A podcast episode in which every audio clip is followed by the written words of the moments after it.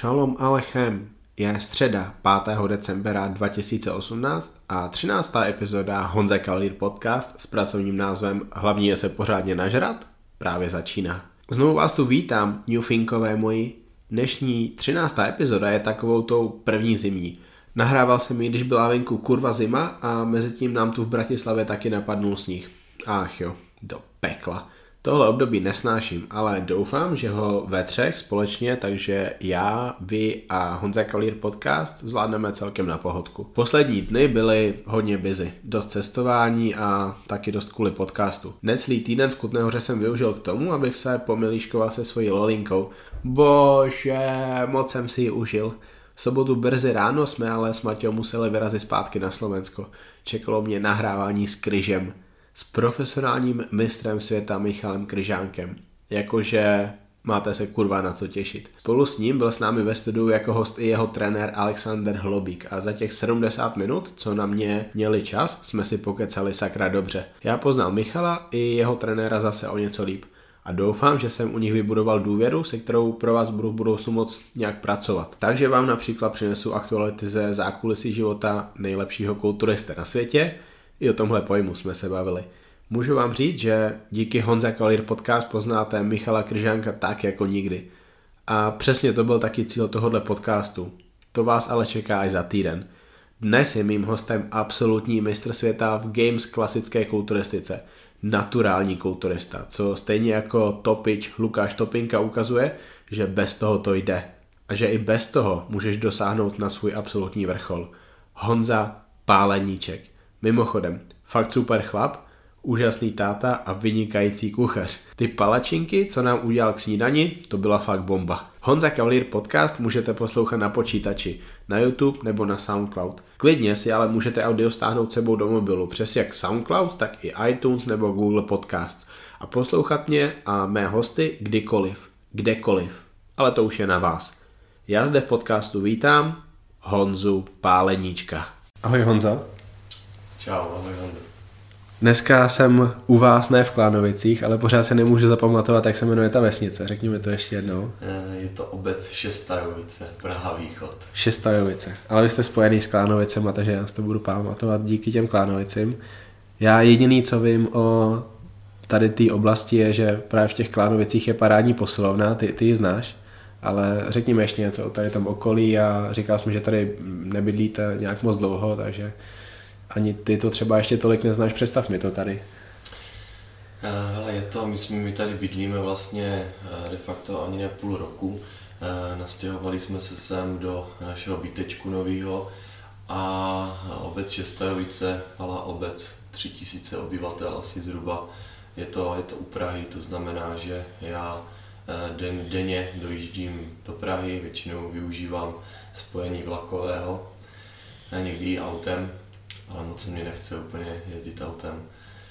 Uh, to základní zázemí tady prostě máme, obchod, máme tady školu, všechno tady, tady ty věci, no, takže asi, asi tak. A ta posilovna v Klánovicích, uh, byl jsem tam párkrát cvičit, vím o ní, uh, super pěkný fitko, moderní, takový volná váha, hodně volný čínky, hrazdy, takový ale trošku crossfit, jedou se tam takový lekce studiově, takhle, co tak pozoruju.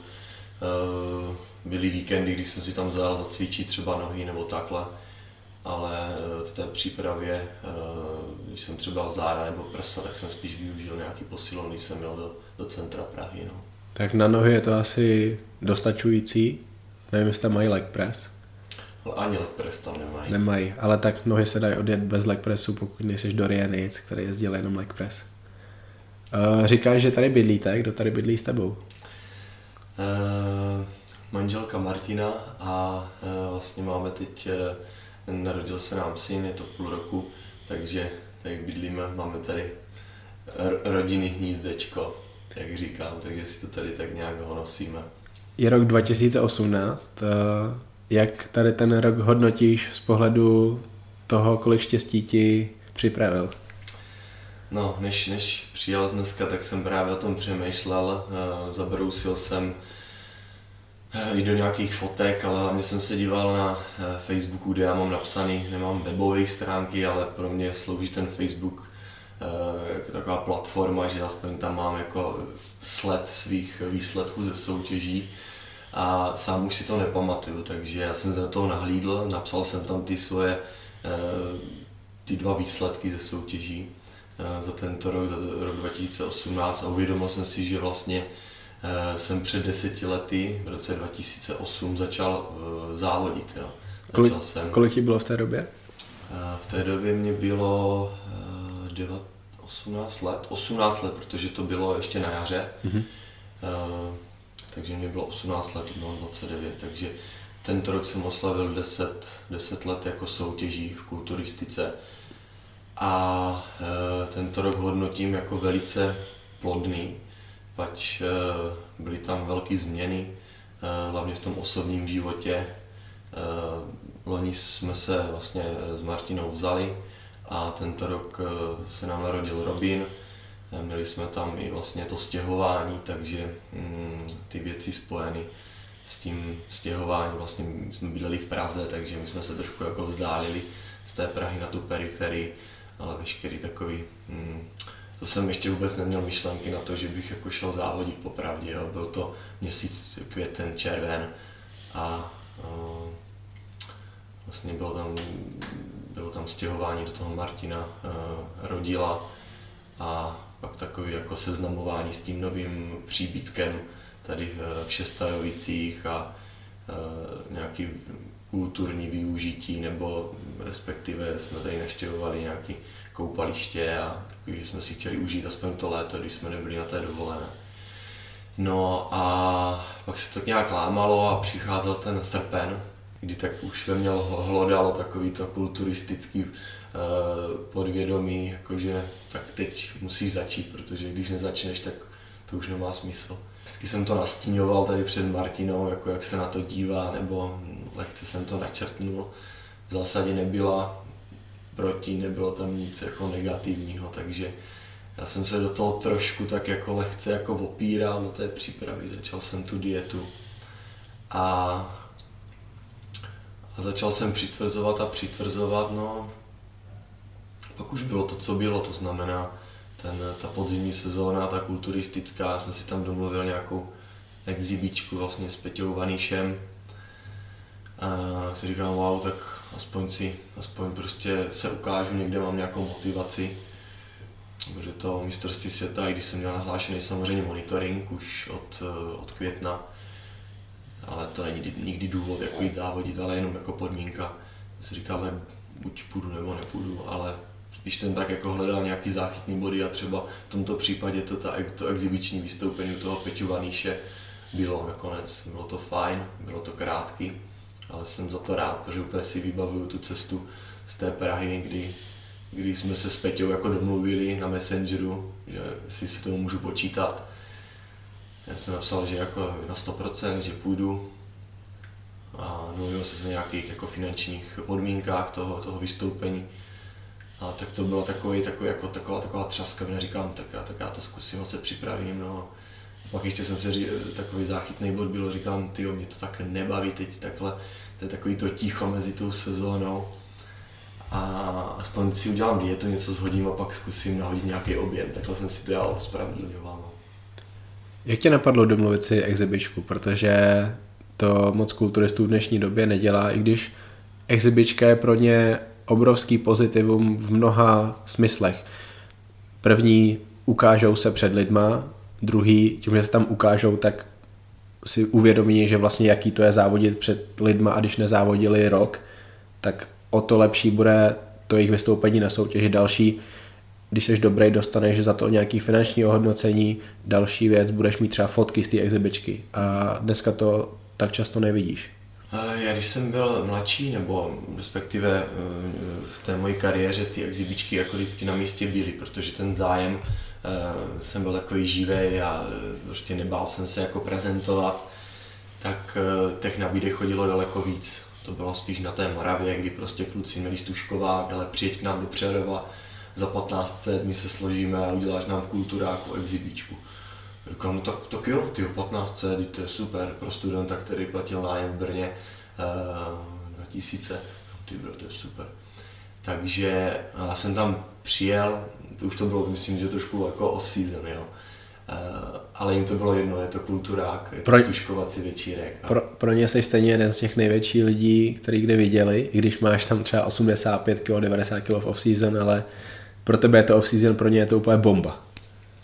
No. A takže já jsem zažil, pak ještě mě poslal kameraman jako sestříhaný video z toho, říkám, tyva, to, to je pecka, protože celý ten městský dům byl narvaný lidma, eh, těma studentama, kteří byli hrozně milí, že jo, protože oslavují de facto konec svého studia, ty tam ty rodiče. A já jsem tam měl, já jsem tam měl, já jsem tam měl de facto pobavit v, v, v pěti minutách a hrozně jsem si to užil. Takže na to já nezapomenu, to je jedna z mých jako povedených exhibíček, ještě ta přerovská eh, garda mých kamarádů, že jo, ať to začíná prostě Jirka má, Jirka Tkarlečí, Jirka Matej a kluci, kteří tam studovali, byli jsme stejně staří.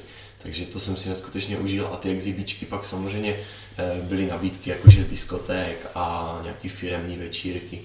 Takže to pro mě bylo vždycky jako nejenom, že jsem si něco vydělal, hlavně jsem se to snažil jako tlačit do toho dobře a přijedu, ale pojďme se domluvit na nějaké jakože ceny, ať já mám motivaci tam jet, ať to není jenom tak. Oni s tím nikdy žádný problém neměli. Ale teď, jak jsem v Praze, tak trošku se ta karta obrací, ta, ta Praha je dělána trošku na něco jiného, mě trošku případne, tak uh, těch nabídek není až tolik, ale tak mě to ani tak jako nevadí. Já se spíš soustředím zase na něco jiného tady v Praze. Jdeme zpátky k tomu letošnímu roku. Uh, Robinek eh, se narodil až před, uh, už před mistrovstvím světa, takže začneme tím Robinkem. Jak se změnil tvůj život po jeho narození a je to lepší život? Uh, je, to, je to jiný život a uh, můžu říct, že to je jako lepší život, protože zatím všechno uh, krásně klape, já jsem za to moc rád, protože Martina je úžasná matka a i když ta příprava možná byla pro ní náročná, někdy už fakt toho měla plný zuby, Eh, protože já jsem neměl ani sílu třeba v jiný zkoš, jo, odpadkový, tak eh, to bylo takový jako smutný někdy.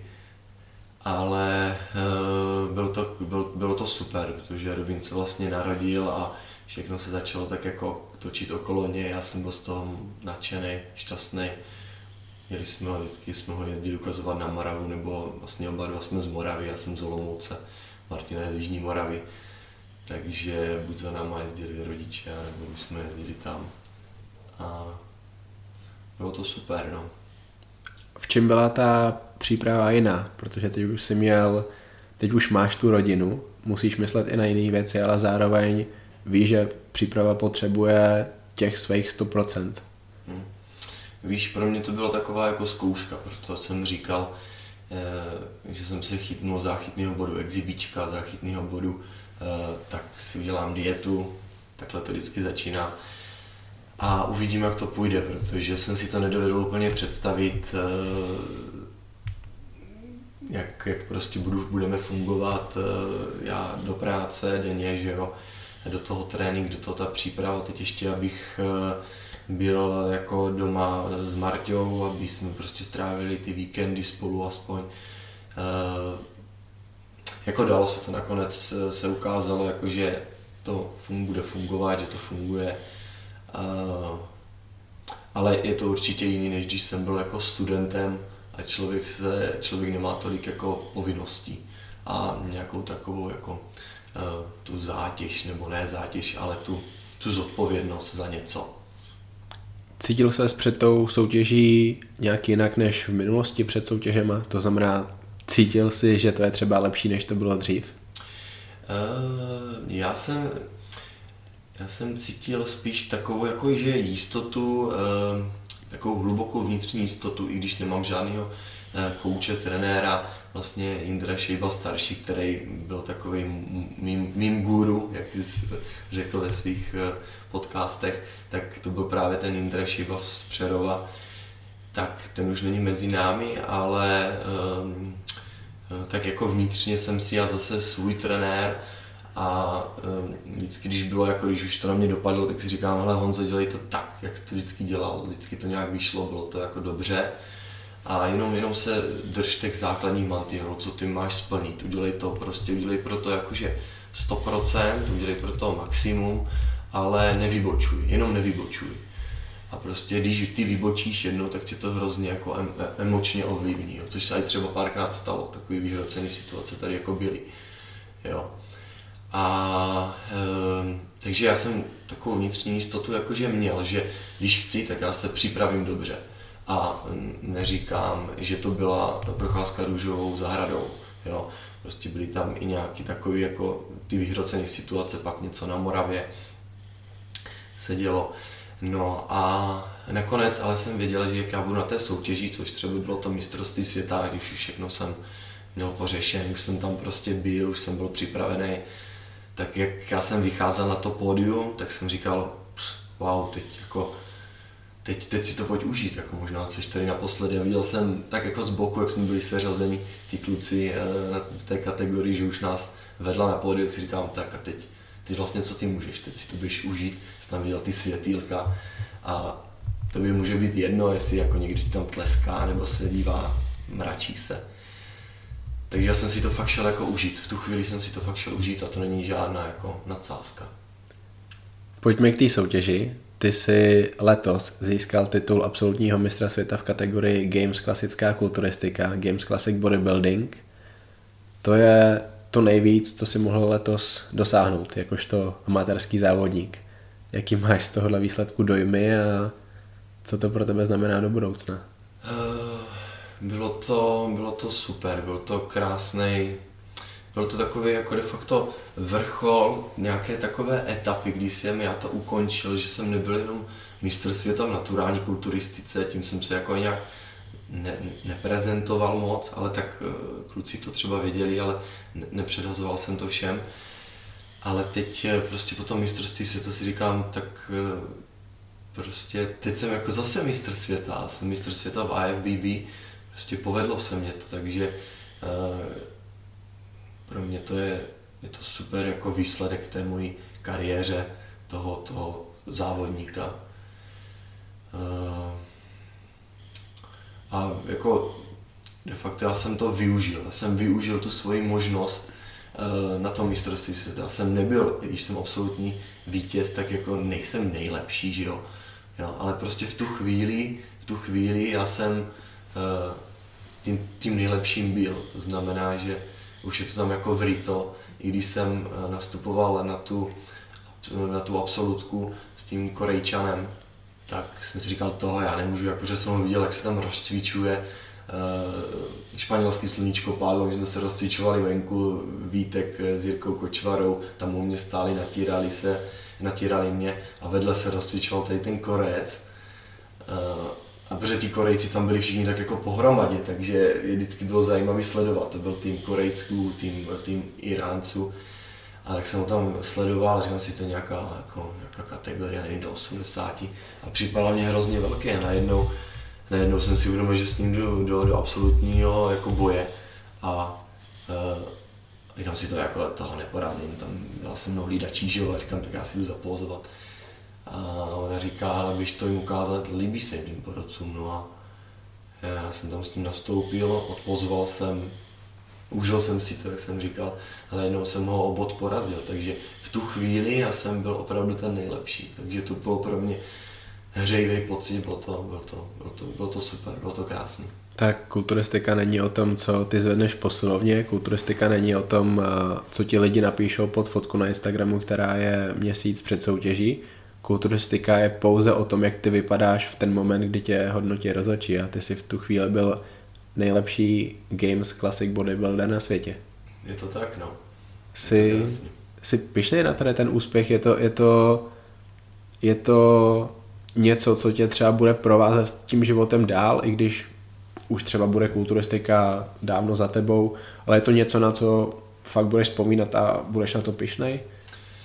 Uh, určitě jo, vnitřně si myslím, že vždycky jako toho závodníka ten výsledek uh, jako hřeje, takže věřím tomu, že jo, protože jsem se na to namakal, ostatně jako každý, ale prostě ty karty byly takové, že jsem je dovedl využít. A uh, možná je to, nebo teď to cítím tak, je zhruba asi tři týdny po závodech, čtyři, tři, eh, že jako mě to dodalo takovou jako trošku motivaci. I před těma závodama, kde já jsem byl v kontaktu s Matějem Ryšavým, eh, bavil jsem se jako i s klukama, trošku jsem o tom začal tak jako přemýšlet jinak, i po té stránce třeba toho, a poslouchal jsem hlavně tebe. to mě procházelo, eh, to mě provázelo vlastně celou přípravu, kdy já jsem sedl do, toho, do té klánovické středy a jel jsem do té Prahy a pustil jsem si jako tebe. Uh, takže za to ti moc jako děkuju, že tady ten přínos těch, eh, té komunikace s těma závodníkama do nějaké hloubky a otevírání jiných jako záležitostí, než jenom pořád jako stejně jídelníček a stejně trénink. A um, tady to předzávodní uh, období a pak třeba i teď po závodním se to snažím trošku uh, jako analyzovat, že možná mě dává v tom, v tom smyslu, že že mě to jako motivuje a snažím se zase trošku to dělat trošku jinak, jo, i když to nebude úplně pecka, ale uh, abych, abych třeba svým fanouškům nabídl něco, co oni Eh, chtějí z mého života jako vidět, co by je zajímalo. Eh, já s tím mám totiž sám problémy. Eh, já nerad jako až tak jako otevírám své soukromí, nechci ani, protože pro mě to je mm, to nejvíc, to znamená rodina, ať už třeba tady v Praze nebo na Moravě a nějak něco takového svýho mě prostě jenom pro mě ale uh, snažím se jako teď trošku jako dát i toho kulturist, kulturismu do, toho, do, do těch třeba sociálních sítí, tak abych jako něco nabídnul. Uvidíme, jestli to bude funkční koncept nebo nebude. Takže mě tady tento úspěch jako se trošku namotivoval, můžu říct. He, já mám tip na video. Mohl by si vzít uh, fanoušky ve videu, uh, respektive udělat video, kde vezmeš ty fanoušky sebou, aby tě sledovali do nějakého moravského vinného sklípku to, to by mohlo být zajímavý, podle mě.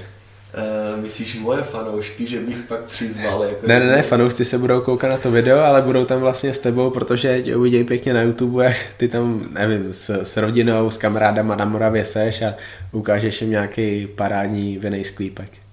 Ale toto není až tak vzdálený od reality, protože vlastně Tchán je, je vinař takže sklípek má, má i Vinohrad. Eh, Martina pochází od Kijova z Milotic, krásné, z krásné obce se zámkem. Takže vidíš to, není vůbec špatný nápad. Já vždycky říkám, že ty nejlepší videa musí být za A originální, za B edukativní, za C zábavný. Takže zábavný to bude, budete ve sklípku. Originální to bude, protože já jsem tady to ještě nikde neviděl, bude to edukativní, protože ty tam budeš mít někoho, nebo třeba sám máš znalosti, který prostě někoho naučí něco nového. Takže, tyjo, sakra, do, dobrý jsem v tady tom vymýšlení videí. Hele, zajímalo by mě, jak se změnil tvůj život tím, že jsi stal absolutním mistrem světa, pokud vůbec nějak? Nezměnil, nezměnil. Je to, je to, je to stejný jako, jako všechno, prostě chodím do práce, chodím trénovat klienty, mám můžu říct, že dobrý klienty za těch x let, co jsem si tady v Praze vytvořil nějakou komunitu. Uh, jezdím pořád stejným autem, jezdím stejným vlakem, takže jakože nezměnilo, jenom jsem se snažil trochu zase víc mm, prodávat, zase souvisí s tou jako mediálním, mediálním obrazem. Takže kromě nějakých článků mě tam bylo i nabídnutý nějaký rozhovor v té snídaní s novou, to jsem byl hrozně rád. I když jsem se do toho nějak nehrnul a bylo mě to svým způsobem jedno, protože když se mě zeptala produkční, jestli nakonec toho rozhovoru v tom, po tom telefonu, tak a budete se vyslíkat teda. Já řeknu, ne, nebudu se, nebudu se jako slíkat. Je, je, tak to my ještě vlastně nevíme, jestli chceme.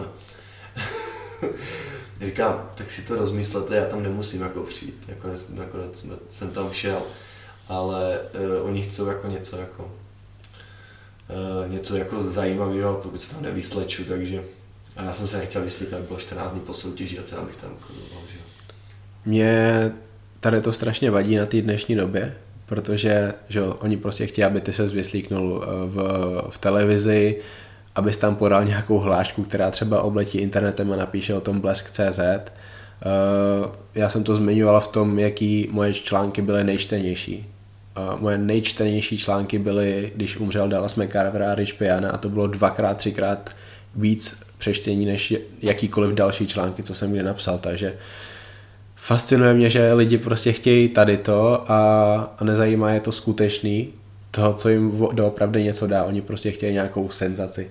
Chtějí, aby se páleníček vyslíknul v televizi, když na internetu je vyslíknutých lidí plno. A... Ale tak, jsi hezký, to je, to je asi taky dobrý, že, že to takhle je to zajímá. Uh, další věc, co mě zajímá, já si myslím, že je úplně to nejlepší, když kulturista dokáže skončit na vrcholu. Říkám to o všech sportovcích. Je, je prostě super, když skončíš na vrcholu a bereš to tak, že to, co bys dělal dál, už ti třeba nemůže tolik přinést. Už proto nebudeš mít takovou motivaci a zároveň fanoušci si tě budou pamatovat opravdu nejlíp, jak můžou, protože ty skončíš na tom vrcholu. Eh, ale ty jsi stále mladý, stále se určitě zlepšuješ posilovně i jako kulturista, to sám vnímáš na sobě, ale jsi teďka na tom největším vrcholu, jaký si mohl dosáhnout v té kulturistice v IBB, pokud by tě teda nezajímala profikarta Elite Pro. Eh, je tady to tvůj konec kariéry, nebo určitě ne? Už jsi o tom přemýšlel? Přemýšlím o tom, eh, co jako, co jako dál, ale zase jsem v tom, že, že uvidím. Jo. Eh, určitě končit nehodlám, mě to, mě to baví a tento rok se to potvrdilo, že prostě mě to jako bavilo, i když bez ohledu na, na ten výsledek ze soutěží z mistrovství světa z Opavy. Mě to jako bavilo, mě to pořád naplňuje ta kulturistika je to, je to zajímavý pro ty lidi, když se o tom s nima bavím, se svýma klientama, nebo pak, když někdo píše. Takže já ten, tu svoji jako budoucnost vidím, možná, jestli to bude, jestli to bude Games Classic, nebo to bude klasická kulturistika, uh, nebo třeba Classic Physics. Já pokud splním jednu podmínku, a to pořád jako za, tím, za tou si stojím, že se snažím připravovat naturálním způsobem, tak, eh, tak, bych, tak do toho půjdu. A myslím si, že eh, i po těch deseti letech eh, ten progres můžu udělat. Jo, jenom se potřebuju na to víc soustředit a ten fokus mít fakt zaostřený na tu, hm, na tu přípravu. Tomu tak vždycky jako nebylo. Já jsem, jsem nejsem jako úplný do té kulturistiky takový blázen, že bych tím žil de facto 24 hodin denně eh, celý rok, takže... Ti nejlepší kulturisti to ale mají takhle taky. Flex Lewis, vlastně rodinný typ, má, má děti, má, má psy, má svoje koníčky, rád cestuje, po, po Olympii si dá pauzu, prostě nežije tou kulturistikou 24 hodin denně jako plno lidí, co u kterých je to na škodu, řekněme. Stále tam teda vidíš nějakou motivaci, která tě požene dopředu, protože to je podle mě ten faktor, který by o tady to měl rozhodovat, že pokud je tam motivace, pokud tě to bude bavit, pokud tě něco požene dopředu, tak proč to nedělat dál? Jo, je to, je to jak, jak ty říkáš, no, tady toto je možná i eh, důvod toho, že eh, závodím každý rok, každý rok se předvádím v nějaké jakože obstojné formě, a baví mě to a nejsem nějaký úplně z toho mm, jako deprimovaný nebo, nebo takhle, že mě to jako prostě naplňuje. Eh, co je teda pro mě podstatný a vždycky bylo, je můj zdravotní stav. Jo. Já eh, jsem rád, že jako všechno funguje, ale byl tam nějaký problém, třeba je to, je to myslím, že to budou tři roky zpátky, kdy já jsem šel přes Vánoce jsme byli na Jižní Moravě a já jsem opustil Kachnu a, a Linecké a šel jsem si do posilovny a nejlepší cvik, jaký jsem v tu chvíli jako vybral a hned na začátku byl mrtvý tah. A to bylo bez nějaké nějak zvlášť přípravy, člověk se pořád učí jako trenér, jako závodník. A já jsem tehdy, byl jsem tam s Martinou, ona u toho byla. Posilovna byla prázdná de facto a já jsem si šel vodit svý mrtvý tady říkám prostě, že když se dostanu do posilovny, pojďme tady tento komplexní cvik. No a e, při 120 kilech e, při fázi pasivní dolů mě škublo v zádech. Ono to nebylo poprvé, jakože jako nějaký, nějaká, nějaká bolístka, ale toto bylo fakt, jakože jsem si uvědomil, tyhle, něco se stalo. No a ono se něco stalo, protože druhý den to bylo sice lepší, ale pořád jsem jako měl problém jako vstát z postele. A jo, a t- z okolností ještě tehdy měl pohřeb uh, můj trenér Šejba, to jsem považoval jako něco takového jako probuď se, jo. A já jsem měl, vlastně druhý den jsem měl uh, projev na jeho pohřbu, jo. Takže jsem další den jel do fakultní nemocnice v Olomouci, uh, za, za, za měsíc jsem šel pod CT a nakonec se, nakonec se zjistilo, že mám, že mám venku plotínky, jo. Uh, myslím, že půl centimetru a dokonce dvě. Takže to jsem se hrozně lekl a byl jsem z toho fakt vyděšený. Ale tato strukturní, jako strukturní porucha mě jako de facto vyřadila na x měsíců jako z tréninku a hlavně z toho soustředí a z té motivace. A v tu chvíli mě byly jedno soutěže. Já jsem řešil v tu chvíli, jsem řešil zdravotní stav. Já jsem nebyl ovlivněný, jako že bych, eh, že bych jako přicházel o život, ale prostě eh, pro mě, abych mohl dělat sport, tak já musím být, fun- já musím být jako fungovat, musím mít zdravý aparát. Já když se nepůjdu proběhnout, nepůjdu si zalížovat, eh, nedovedu si pak hrát s Robinem a budu jako z toho vyřazený a ještě jsem si to způsobil sám, tak mě to hrozně hledalo. A já jsem ten půl rok jsem se snažil proto dělat jako maximum, to znamená, mm, naštěval jsem fyzioterapeuty, uh, chodil jsem i za Martinem Snášelem tady v, v, vlastně v Letňanech, eh, co k ním chodíme na semináře, ať mě, ať mě pomáhá. A Uh, můžu říct, že teda teď je to aktuálně jako v pohodě, ale to zdraví v tu chvíli pro mě bylo jako prioritní. Takže pokud je zdraví, tak já můžu fungovat dál. A teď jsem třeba v té přípravě, to bylo jako v cajku, ale člověk na to pořád myslí a ne už si rozmyslí, uh, jestli se nechá vyhecovat jako klukama a bude mrtvý tahy 200 kg, nebo bude si něco dokazovat na dřepu, ale jako už, už seš to ty jenom, už to není jako nepotřebuješ někomu něco dokazovat. To je zase ta odpověď, kde jsi zmínil několik věcí, já na nějaký zapomenu a doufám, že proberu co nejvíc toho, co jsem tam slyšel. Ale začnu, začnu jednou věcí. Já to řeším s přítelkyní. Ona, ona má jakoby problém brát tu posilovnu stoprocentně vážně, když je v té posilovně. Já jsem to vždycky bral tak, že když jdu cvičit a čekají mě ty těžké dřepy, když vím, že teďka je můj cíl vlastně x opakování s 200 kg na dřep, tak já musím myslet jenom na to, protože jsem z toho fakt podělaný, protože k tomu mám sakra dobrý důvod. Když já tam něco pokazím, když něco podcením, když nebudu mít tu hlavu v té sérii, tak se může něco stát. Myslíš si, že to, že se ti tam něco stalo, bylo ovlivněné právě tady tím, že ty jsi nebyl stoprocentně hlavou v té sérii, v tom, v tom tréninku, myslel si na to, co se stalo člověkovi, co byl takhle blízko tobě? Jako na 100%, jako mm, pokud není s tebou ta hlava a to, to podvědomí, že ty teď tady cvičíš a děláš to tak a tak a musíš si uvědomovat x věcí, soustředit se jenom na to. A tak se v opravdu v tom nejhorším může něco stát. Jo. A nejsem, nejsem jediný, komu se takhle stalo. A právě proto já k tomu přistupuju a i třeba ze své branže jako osobního trenéra s těma lidma. A oni nejsou, oni nejsou tou hlavou na tom tréninku někteří. Oni přemýšlí úplně o něčem jiným. Ve fitku se pohybuje dalších 20 lidí. Oni, to je prostě společnost. Oni přemýšlí o Oni nepřemýšlí jenom nad tím tréninkem, přemýšlí o těch druhých. Já taky přemýšlím o těch druhých.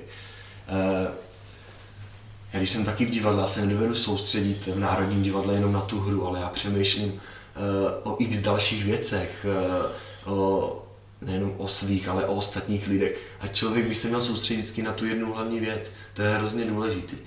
A jako, jako trenér uh, se snažím těm lidem jako trošku jako empaticky do nich vcítit, ať se jako uklidní, ať pojďme, pojďme se soustředit na to, co děláme. A jedno, co děláme, jestli zvedáme těžkou váhu, anebo jedeme jenom hip trusty zadkem nahoru, ale cítíš ten zadek a několikrát to opakuju. Pořád to opakuju. A e, tady třeba e, u toho mrtvého tahu, který jsem měl předtím, dovolím si říct 700krát na tréninku, tak prostě v tu chvíli se to stalo, protože já jsem žil tím vánočním cukrovým a já jsem spěchal, já jsem to chtěl mít rychle odcvičeno a pojďme teď další náštěva za chvilku je vánoční a takhle to prostě nejde.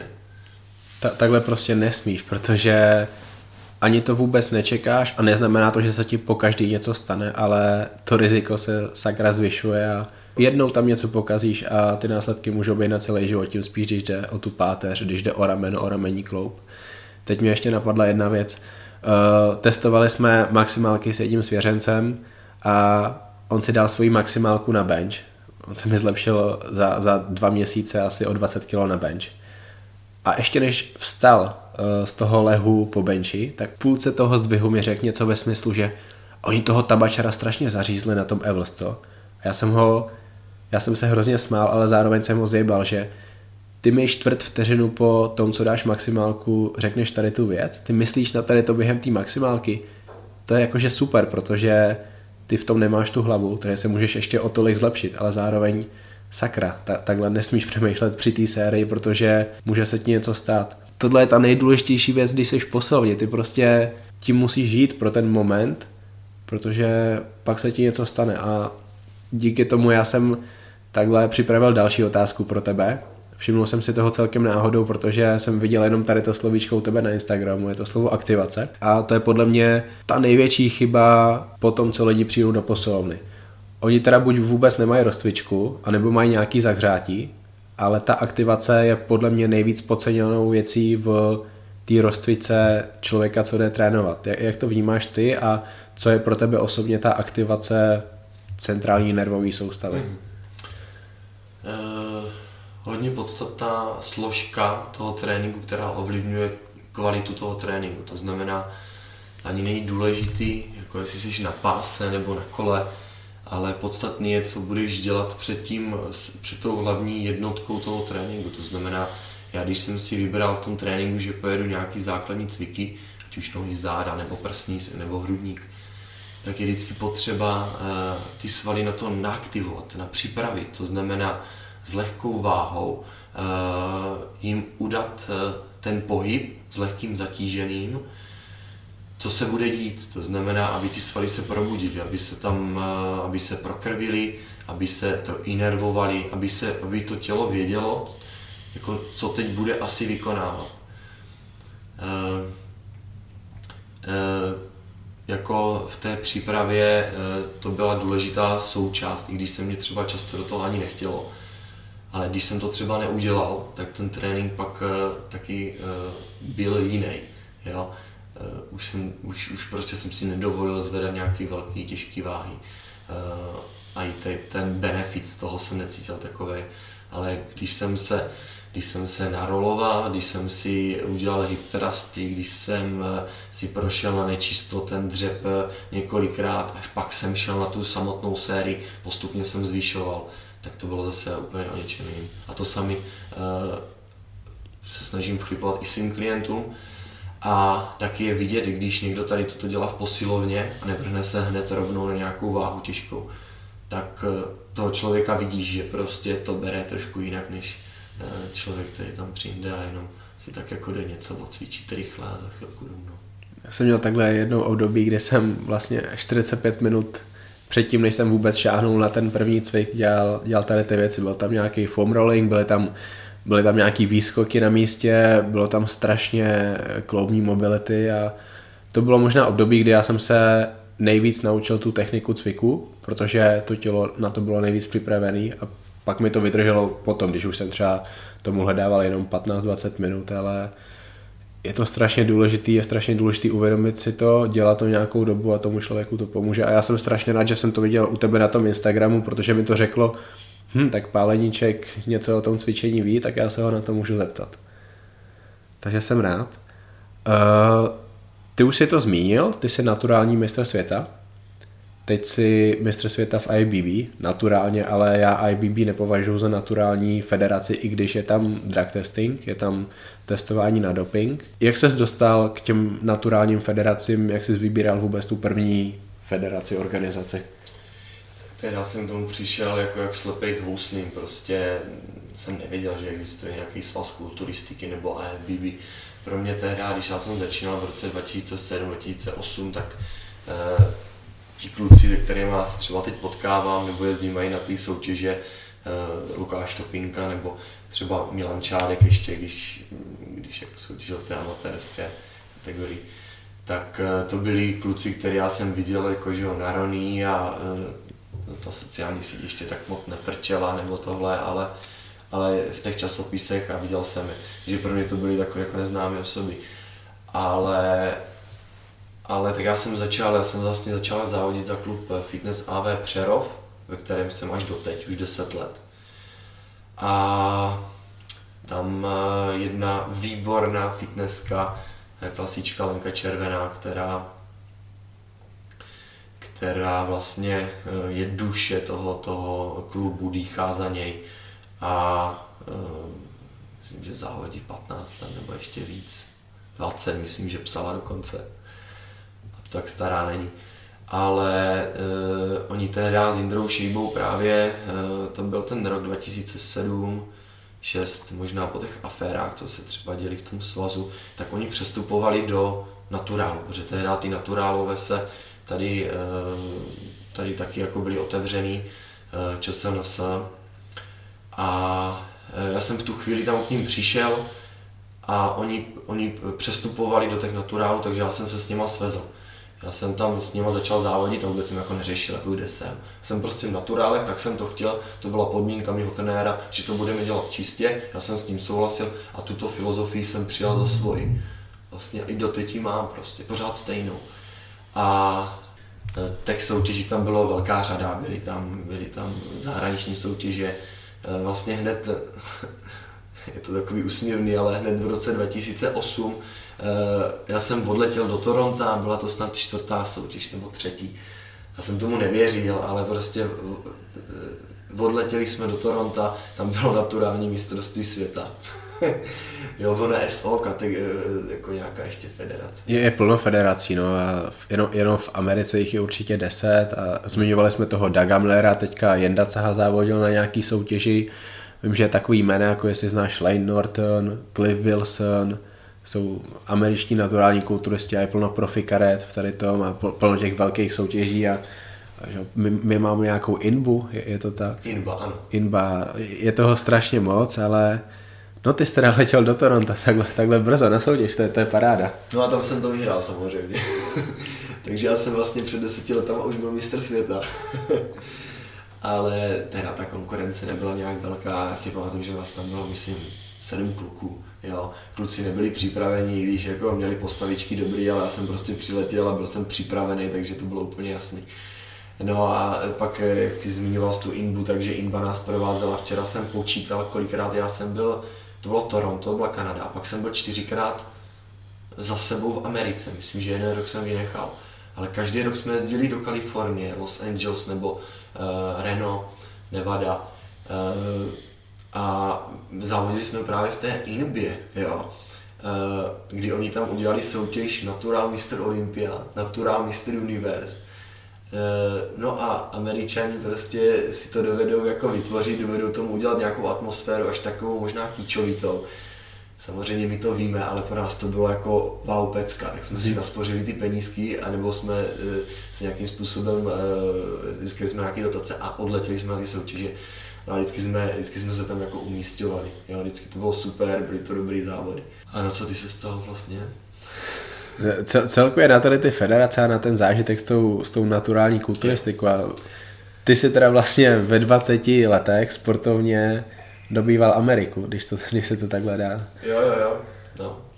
Si pamatuju, že ještě jak jsem vyhrál to, uh, jak jsem, jo, jak jsem letěl z, uh, z San Diego, to byl Natural Olympia, takže jsem měl, myslím, že dvě ty medaile a pak jsem letěl za, za kámošem, eh, on, byl, on je američán, za Stevem do San Francisca, byl jsem tam u něho 10 dní a už jsem neměl peníze a nevěděl jsem, jak mu zaplatit. tak, tak mě to bylo hrozně hloupý, jako jo, tak jsem mu dal tu medaili. tu, tu, od toho kakla, tu od toho z té inby, protože to bylo těžké a říkám, Steve, já jsem ti hrozně vděčný, ty jsi mě 10 dnů tady, nebo chodil do práce, ale 10 dnů jsi mě tady živil v San Francisku, prostě to je, to je ekonomická, ekonomický středisko Kalifornie, že jo, Silicon Valley a prostě já jsem tam cable car, on mě to všechno ukazoval a byl to normální kluk, jo, starší teda. A já už jsem nevěděl, jako, tak já jsem říkal, tak a ty mám vidět tu medaili a já chci, aby si to vzal. Jako, ber to jako, že to je, ber to jako, že to je prezent ode mě. Mně a... určitě chybět nebude, já mám hrozně moc medailí v tu dobu už jsem měl a dal jsem mu tu medaili a odletěl jsem. A teď na to vzpomínám. Napíšete si ještě někdy? Eh, se Stevem si občas napíšeme, ale on není až tak na, na těch sociálních sítích, jako nějak se neprezentuje tam moc, ale občas za, za půl roku mě poděkuje, že jsem mu psal před půl rokem k narozeninám. A jaký místo v té Americe se tě nejvíc líbilo? Ať už přírodní nebo nějaký jo. vytvořený lidma, to je jedno.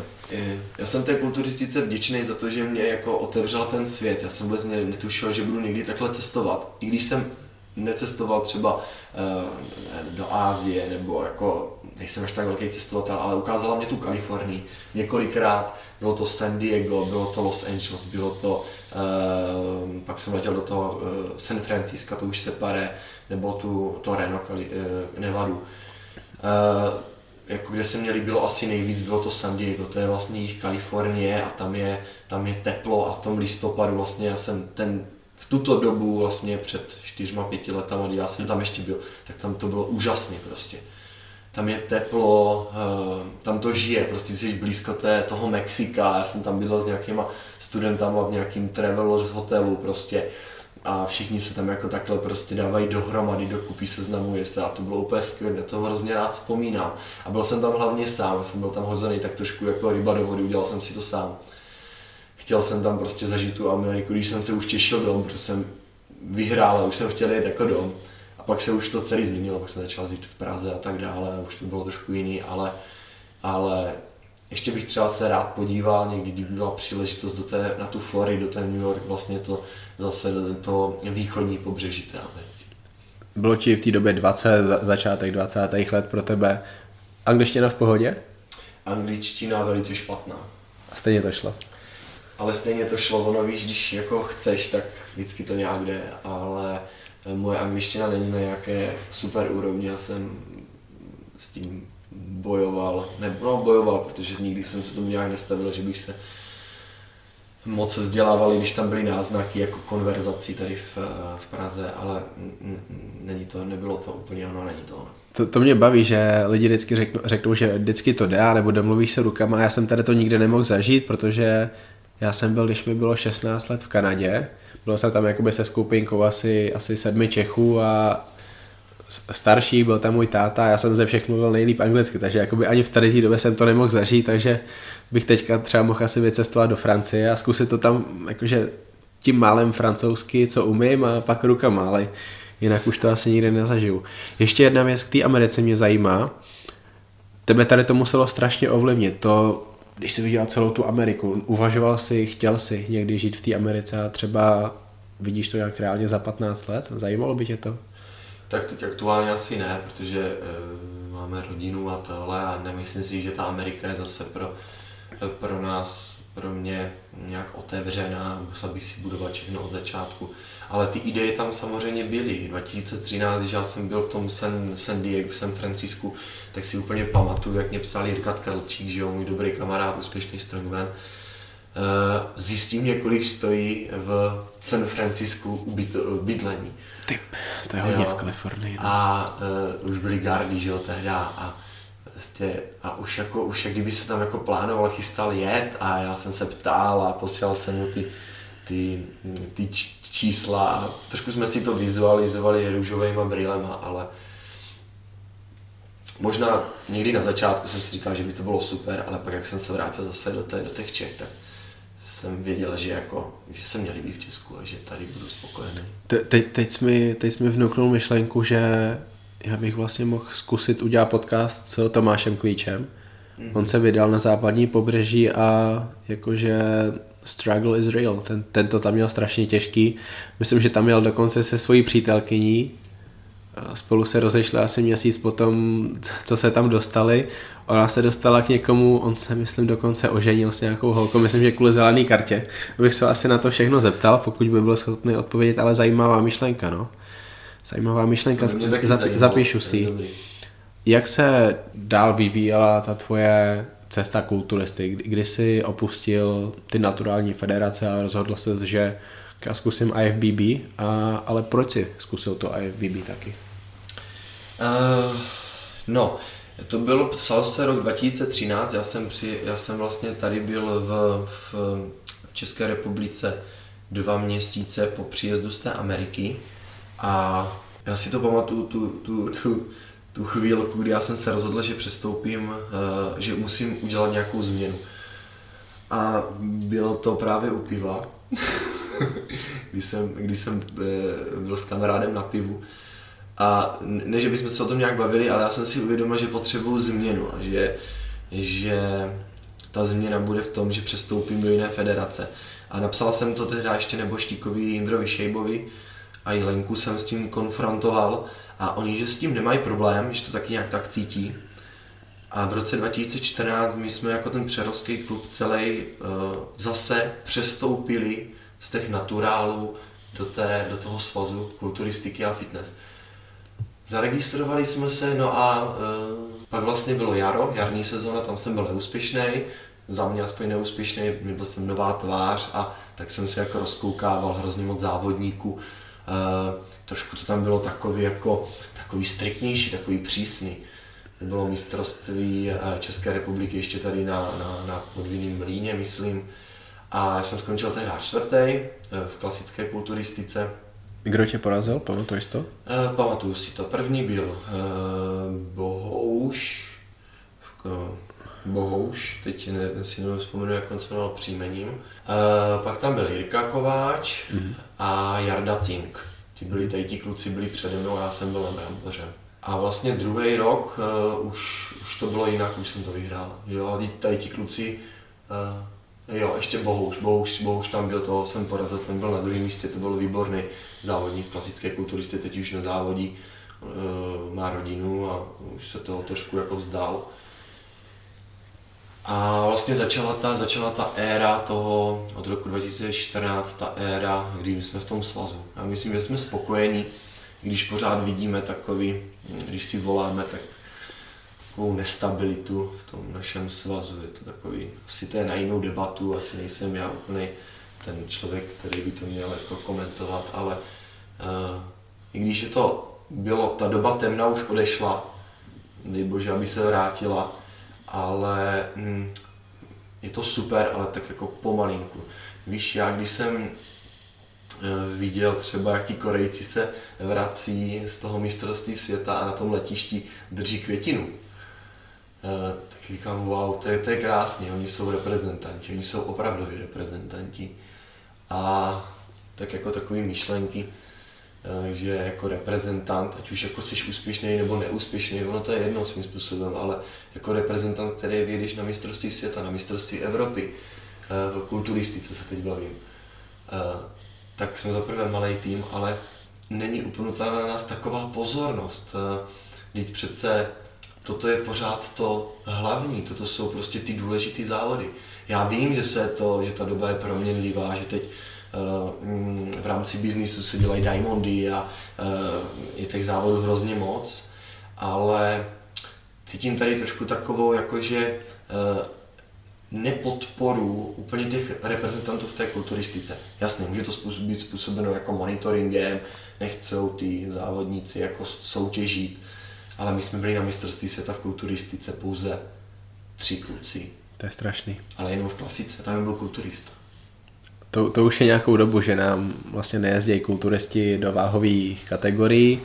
Má to své důvody, prostě můžou závodit na Diamond Cupu, kde nebudou testovaný, takže ten, kdo je velký, ten, kdo je dobrý, tak chce jít automaticky na tady ty soutěže a hej, doba se změnila a říkal si, že to možná není tvoje místo, kdo by o tom měl mluvit, ale já si myslím, že právě závodníci, lidi z těch oddílů jsou tím tou první variantou, která by o tom měla mluvit. Až potom bych o tom měl mluvit já, až potom by o tom měli mluvit fanoušci. Začít musíš právě ty, začít musí ty oddíly a, a od vás se to musí měnit. Ta, ta iniciativa musí jít od vás. Já se o tom dneska bavit nechci, já už toho mám dost. Z těch posledních otázek, odpovědí s Lukášem Topinkou jsme se o tom bavili. Musím si od toho oddychnout a, a možná ti závodníci se nad tím musí zamyslet, jestli, jestli jim to takhle vyhovuje, ale těch problémů tady je hodně a ta reprezentace to mě mrzí hodně, protože já jsem to takhle vnímal už v době, kdy jsem jakoby začínal sledovat kulturistiku a říkám si, sakra, proč, proč ti nejlepší nereprezentují a jezdí na tady ty soutěže, to je škoda. No a teď je to tak, že ti nejlepší váhoví kulturisti fakt tam už nikdy nepůjdou a česká reprezentace dopadne tak, že tam jdete vy tři, ale tak aspoň máme díky tobě výsledek. Ale, ale zajímavý téma, no. Hele, uh, zajímalo by mě, jak se díváš na ty borce, se kterými si závodil, se kterými jezdíš na tu reprezentaci, na, na kluky jako je Lukáš Topinka, to znamená úspěšní kluci, co tady to dělají hodně dlouho a mají výsledky na těch soutěžích, které jsou i pro tebe nejvíc relevantní. Jaký, jaký je to vědět, že vlastně nejseš tady sám mezi těma lidma, kteří třeba nerazí tu naturální cestu, ale je vás tady víc? Mm-hmm. Uh, teď do okolností my si domlouváme jako sraz, že s klukama uh, půjdeme na trénink, že, že se sejdeme. Jirka Kočvar, Jakuba Prchal, Lukáš Topinka přijede. Takže uh, víš, že jsme takový jako tým, že nejsme jako jasný, každý závodíme sám za sebe, jsme samostatné jednotky, děláme si všechno podle sebe ale že se vytvořil takový jako super, i když třeba Lukáš Topinka uh, už aktivně nezávodí, ale pořád je uh, velice aktivní a zajímá se o tu sféru. To mě hrozně těší. A kluci, že mají ten zájem a hlavně mají na to takový jako pohled, jako že, že jsme, máme na to podobný, podobný nálet a stejný jako, jako podobný, podobný ražení. A ono to je svým způsobem jedno, ať každý jako se připravuje jak chce, ale uh, tady s těma klukama si máme co říct a hodně. Takže eh, ta parta na tom mistrovství světa byla dobrá. Pamatuju si na rok 2017, jo, před rokem s Lukášem Topinkou mistrovství světa, obrovská zkušenost, zážitek. Eh, a jsem rád, že jsem u toho byl právě u toho, eh, toho zakončení té jeho kariéry na tom mistrovství světa, že jsem toho byl, mohl být přítomen a on taky to považuje za, za, jako, za krásný jako za super partu, že to bylo úplně super. Eh, I když nejsou jako reprezentační, eh, jaký soustředění nebo takhle, tak my si to tak dovedeme jako nahradit, no, že, se, že se vidíme a že si napíšeme, že spolu natočíme videolog, eh, jsme v kontaktu a hlavně od sebe můžeme čerpat nějaký, nějaký přístupy. Jo. Jirka Kočvara prostě uh, úplně do toho zapálený, všechno, všechno řeší detailně, takže i tady jako z toho já si vždycky něco vemu víš, a od toho Lukáše, to je prostě, to ani se tam nebudu komentovat, prostě to je, to je number one, že vy, vy, vy, vy jste takhle zajímavý, já o Prchalovi toho zas tak eh, tolik nevím, on je taky z vás nejmladší, myslím. Uh, Jirka Kočvara, ten mě teďka zaujal, dával novou videosérii na YouTube Hard and Fair. Zajímavý video, je vidět, že tam zkouší nové věci, celkem se mi líbí, jak trénuje Lukáš, to je strašný dříč tvoje tréninky si myslím, že, že, jsou, celkem, že, že jsou celkem chytrý a, a stavíš to na tom, že asi i jako osobní trenér prostě musíš vědět, takže se fakt snažíš vědět a nejseš jako trenéři třeba, jestli znáš z Brna Malej Průva na tady ty posilovny, kde jsou trenéři, co půlka tréninku je stretching, čtvrtina je trénink břicha, pak je tam dva, tři cviky na stroji, kde holky jedou dvě, tři série po 15 opakováních a to je všechno ale jste tam fakt zajímavá parta, jsem rád, že takhle se o sebe zajímáte, budete spolu dělat nějaké věci, bude, budete mít společný trénink, to, to, mě zajímavý, to, je, to je pro mě zajímavý a třeba to i natočte. Rád bych se podíval na takový video. Jak ty se stavíš k tomu dopingu? Ne nutně každý, kdo prostě si nevybere tu cestu, že tak já nepůjdu naturálně, je zásadně proti tomu dopingu, nejenom u sebe, ale třeba i u, u těch jiných lidí. Třeba i u těch profesionálních kulturistů. Jak ty vnímáš tady ten topik? Uh, víš to, já jsem si vybral svůj, svůj styl přípravy, já se na to dívám tady tímto směrem a ať si každý dělá, co chce, je to, je to jeho věc, ale uh, uh, zase Víš, je to takový citlivý téma, to znamená, když tady toto budu probírat, eh, nebo když, když se mě budou ptát mladí kluci eh, na nějaký téma, tak eh, jim rád odpovím, ale někdy je lepší, někdy je lepší mít jako první informace a ty důležitý z té naturální sféry a pak až se zajímat o něco, co ti jako může pomáhat, jo?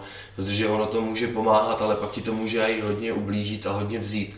A to je právě ten sport. Ten sport eh, je pro nás jako pouze jenom zábava, není to jako nic, co by, jsme, co by nás asi většinu živilo a není potřeba tam nechat úplně všechno. Já respektuju všechny kulturisty, kteří prostě mají výsledky a e, ať už to dělá jakýmkoliv způsobem. Je to, je to de facto šumák, e, je to svým způsobem i zajímavý, rád bych si to poslechnul, když o tom vím prdlajs, e, co se týče tady té, té přípravy jako nenaturální. Ale když já jsem, když už mi bylo 23, tak já už jsem měl okolo sebe kluky, kteří samozřejmě ty látky používali, že jo. Ani třeba nezávodili, nebo někteří i, no většinou nezávodili a mně to nikdy nebylo nějak sympatický. Mě tady toto, mě to nebylo vůbec vlastně sympatický. Ani jsem nevěděl, co to dělá. Vím, že, že to nebylo jako správný, proto zdravý, jasný, ale nebylo mě to sympatický. Vždycky jsem si to dělal tím svým způsobem, protože jsem věděl, že, eh, že stejně ten výsledek budu mít, že si dovedu najít tu svoji kategorii, eh, někam se zařadit prostě. Jasný, že mě jako naturála Eh, nemůžou jako prostě srovnávat s klukama, kteří jsou velcí, nemůžu vlízt do, do kategorie, kde prostě mají těch svalů víc a takže já vždycky jsem si tu svoji kategorii dovedl najít a i tady v tom svazu Vibe jsem si ji našel. Myslím, že to jenom potvrzuje. Jaký je ten největší důvod, eh, proč se nikde nešáhl po dopingu? Asi ten, že jsem měl od začátku mm, člověka, který byl zásadně jako proti. A mě to vychovalo. Jasně, že rodina nikdy ti neřekne a nedá ti zelenou, můžeš brát. Rodina by byla taky proti. Ale v tomto případě to prostředí, to sportovní a i ti naturálové de facto mě ukázali špičkové postavy, které se dají vytvořit naturálním způsobem. Musíš mít genetiku na to, abys byl šampionem. Musíš mít úzký pás, musíš být symetrický. Pak můžeš vyhrávat, ale stejně musíš dřít a musíš se na to připravit. Musíš tomu obětovat čas. Musíš tomu obětovat čas a musíš tomu něco vzít jako ze svého, ze svého soukromí, ze svého volného času. Ti naturálové byli špičkoví, ze Slovenska. Pak se tam samozřejmě i našli lidi, kteří podváděli, ale to prostě tak je. To je hodně vypovídající odpověď. Ty jsi začínal uvažovat o tom soutěžení těch 10-11 let zpátky. V té době nebyly sociální sítě, ale dneska sociální sítě jsou a ti kluci slyšejí jinou odpověď na tady tu otázku. Oni slyšejí, že bez toho to nejde. Ty jsi měl nad sebou někoho, kdo ti řekl, že bez toho to jde a bez toho by si měl začít. A říkám, vypovídající. Dneska, dneska ti kluci slyšejí úplný opak a kvůli tomu to dopadá, jak to dopadá. Dopadá to tak, jak my vidíme teďka a mě je to strašně líto a zajímalo by mě, jak se na tady to díváš ty. A a co by si tady těm mladým klukům vzkázal? Protože fakt oni slyší, že bez toho to nejde a to je, to je taková hloupost a ty to potvrzuješ. Topinka to potvrzuje, Milan Šádek to potvrzuje, kam, kam se dostal Milan Šádek a Milan Šádek je v tady tom ten úžasný příklad, příklad. On se dostal hrozně vysoko, závodil s Topinkou až potom se rozhodl, že, že chce něco jiného.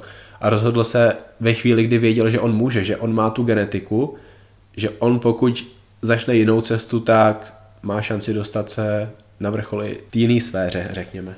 Takže jde to bez toho nebo ne? Tady tu odpověď eh, jsem slyšel taky, prostě x desítkrát, ale to prostě vždycky bylo bez toho to nejde.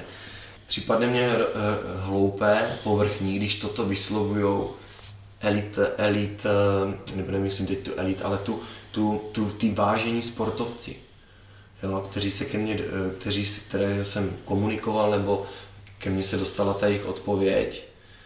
A někteří to i vy, jo, tak mi to hrozně mrzelo, protože když to řekne nějaký uh, kluk, který to bere v posilovně a uh, tak si to ospravedlňuje, že bez toho to nejde. To samozřejmě chápu. To je, pro něho to je vlastně odpovídající jako projev. Jo. Ale takové já určitě být nechci. Proč já bych někomu tvrdil, že bez toho to nejde. Ať si každý uvědomí, co chce v životě, v jaké kategorii chce jako soutěžit, jak chce vypadat a podle toho se připravuje. Ale to neexistuje, to, to, to, to, to, to odpověď jako bez tohoto. Kulturistika bez dopingu jako jde, jenom si člověk musí nastavit jiné hodnoty. A e, třeba právě Milan Čárek to potvrzuje, já jsem se s ním o tom bavil a on je kritik, velice kritik tady těch uh, stylu příprav u mladých, mladých kluků. Že? A on právě na tom teď profituje, že. Na tom teď profituje, že on nebyl ten, eh, který jako hned z začátku něco, a, ale samozřejmě mm, jsou tady zase jiní trenéři, jiní sportovci a ti zase na to se dívají trošku jinak, ale víš co, já mám pořád na to takový zdravý pohled. Já jsem ten reprezentant a já respektuju ty pravidla. E, možná to může být pro někoho až moc jako e, utopický nebo, nebo až pro někoho radikální. Mysl, že... Myslím si, že takhle to vůbec neprezentuješ, že ne, by to bylo ne. radikální. Mně se zdalo, že jo, protože já jsem pak si říkal, možná jsem fakt někoho naštval e, tím, že jsem dal ty skuma, ty, ten, ty vzorek A a vzorek B po dopingovci, že jsem to dal na sociální síť. A říkám, ty vogo, tak to, tak to nedělej, jo. A víš, pak ve mně začnou hledat takové myšlenky, nepřeháníš to už s tím, že jako jsi takový naturál. I to vlastně nikoho nezajímá. A tak eh, ty jsi třeba důkazem toho, nebo jsem rád, že jsi to řekl, že, že to má svůj cenu, no, že, to, že to prostě. Ale a i kdyby to mělo prostě, já říkám, ovlivnit jenom jednoho člověka v tom, který má nějaký potenciál být v tom nějak úspěšný a mít z toho radost a neskončit prostě hrobníkovi na lopatě, tak to prostě mělo cenu. To, to, to.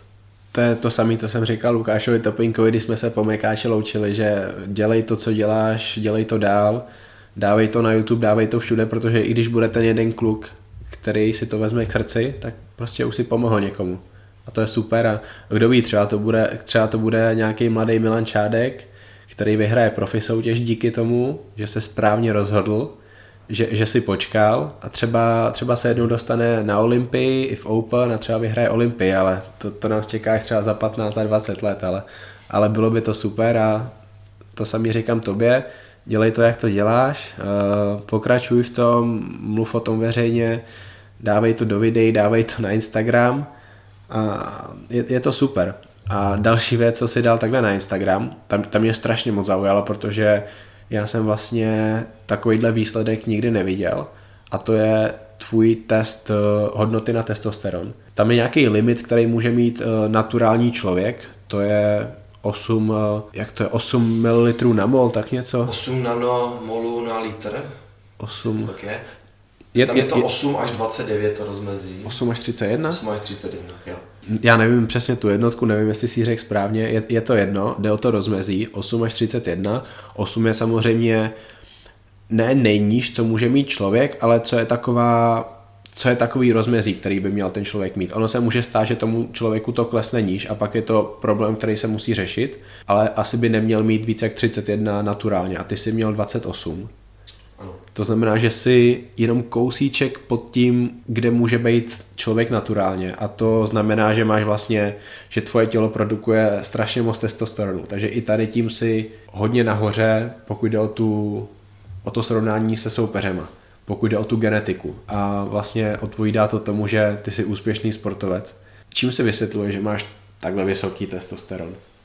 Myslím v tom období, kdy si mimo soutěž, protože dostaneme se i k tomu, že před soutěží je ta hodnota trošku jiná. Eh, já jsem si to nechal změřit a bylo asi zhruba 10 týdnů do závodu, to znamená, že de facto na začátku nějaké přípravy vůbec mě ta hodnota zajímala. Uh, víš co, já jsem si to nikdy neměřil, tak já jsem nevěděl, jako kolik mám hladinu testosteronu, já jsem to, mohl jsem jenom si říkat, jako, jako, jako mám ji asi dost, jako cítím se dobře, prostě všechno funguje, Eh,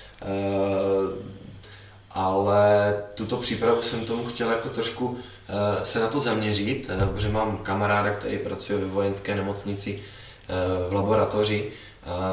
Já jsem tady za ním přijel, on bydlí ve vedlejší obci.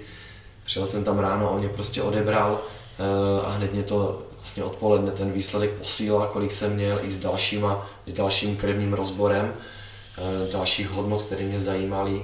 Eh, a který pak taky odpovídali, který se pak následně měnili. Jo.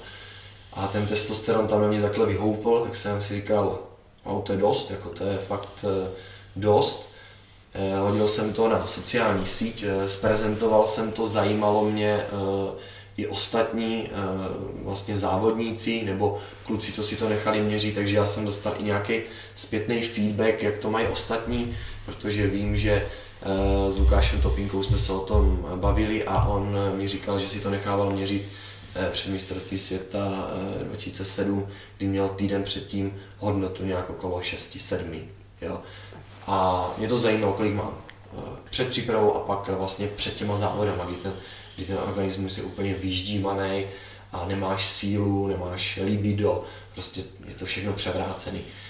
A já jsem si to nechal změřit před těma závodama a jsem věděl, že to bude samozřejmě níž, takže ono se to potvrdilo, ta hodnota byla nějak 9,9. Mm-hmm. Jo, nebyla tak úplně jako nízká, kluci mi tam někteří psali, že měli před závodama i tři, jo, I, i, I to jsem slyšel od těch opravdu brutálně vysekaných profíků v Americe, uh, ne profíků, profesionálů z IBB Pro, ale těch naturálních. Ano.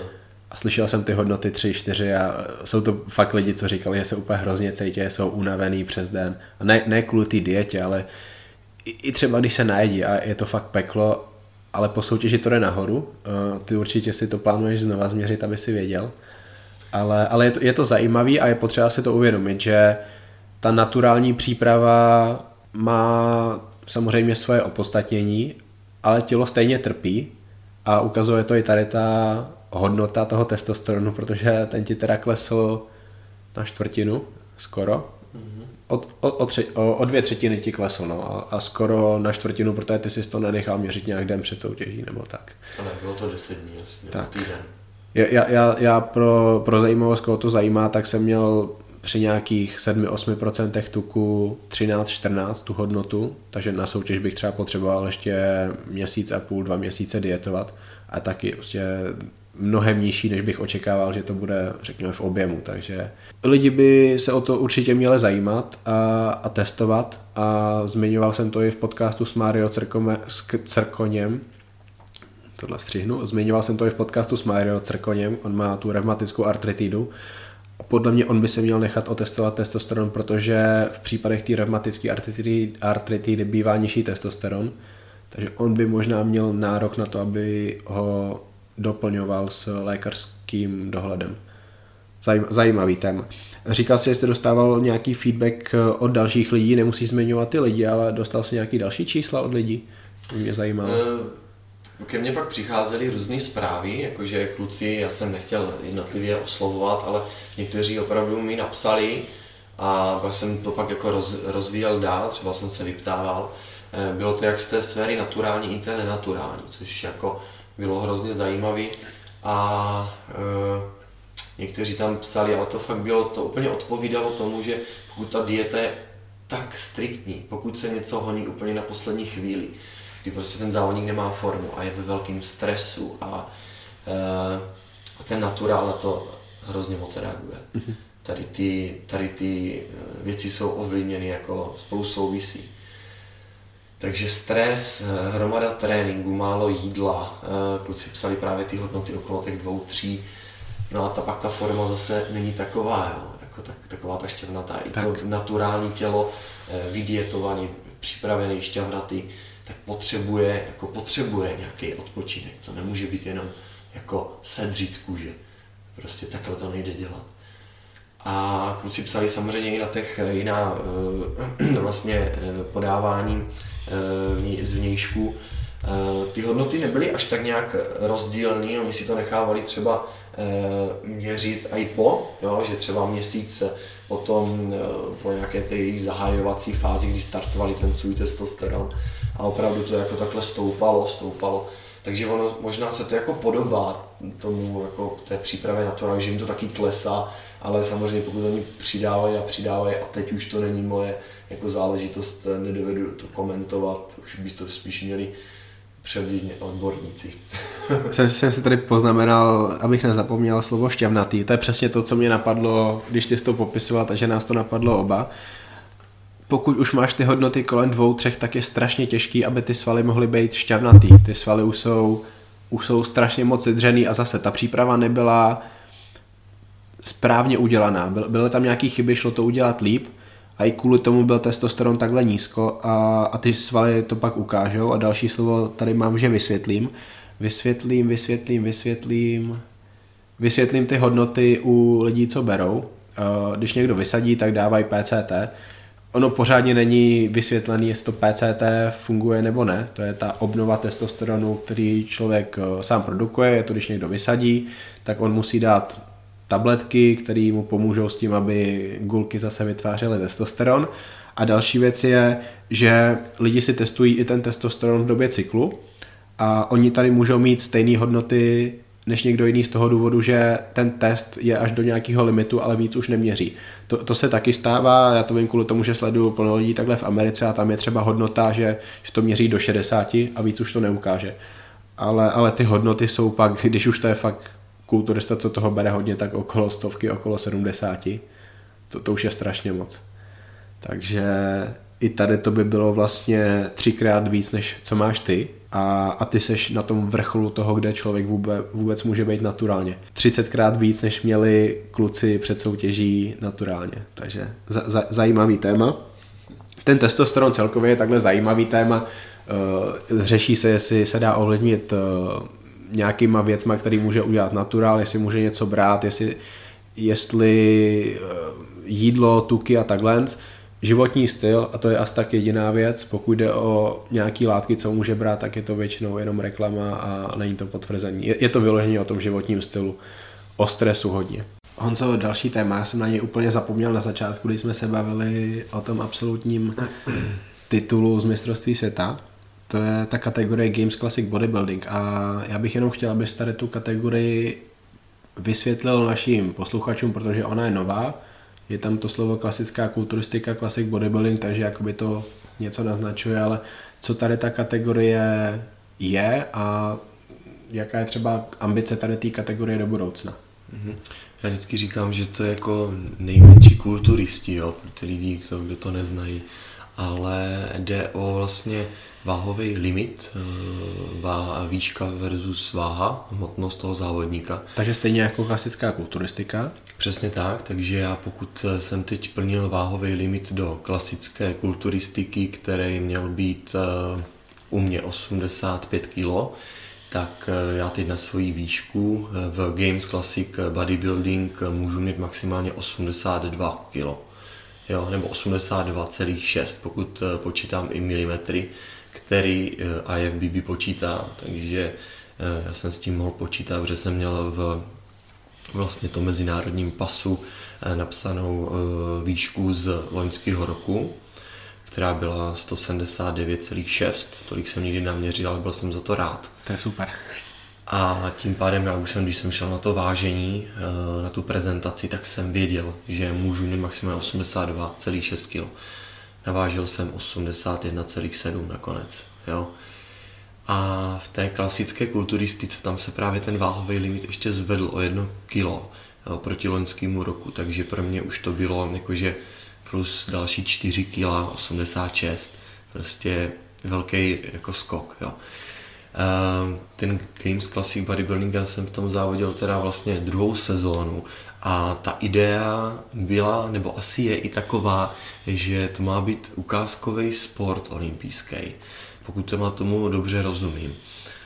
Eh, byly tady nějaké eh, světové hry, v Baku se to odehrálo, to bylo tak čtyři roky nebo tři. Asi tak, možná tři. Eh, tam myslím, že byly ty Games klasici dokonce. Mm-hmm. Byly tam. A pak už jsem zase nevěděl, jako už, už jsem hledal nějaký itinerář soutěží, kdybych ještě já mohl soutěžit, ať to není jenom jakože eh, pohárovky a republika a mistrovství světa Evropy, což je jako top, ale ještě nějaký závody, protože zatím na ten Diamond jako nemám. I když na těch Diamondech jsou taky ty, ty Games klasiky, jsem viděl. Jo, takže ta kategorie, ta kategorie jako nejmenších kulturistů klasických, no. Hodně lidí se na to ptá, já bych se přiznal, tak vůbec nesleduju ty kategorie na Diamondech, i když o nich občas píšu články, dávám výsledky, ale mě tam fakt zajímají jenom ty kulturisti, klasická kulturistika, ale, ale nepamatuju si tu games z těch Diamondů, ale, ale nevadí. Zajímá mě odpověď na tady tu otázku. Myslíš si, že kulturistika, to znamená games, klasická kulturistika by měla být na olympiádě, pokud by ji tam dostali. Je, je kulturistika sport, který se hodí na olympiádu? Ale mým, mým upřímným názorem je, že, že není. Jo. Že si nemyslím, že jako kulturistika může být olympijský sport. nebo nedovedu si jako představit jako olympijský sport. Uh, možná někdo jo, ale já prostě ne. Tak to je.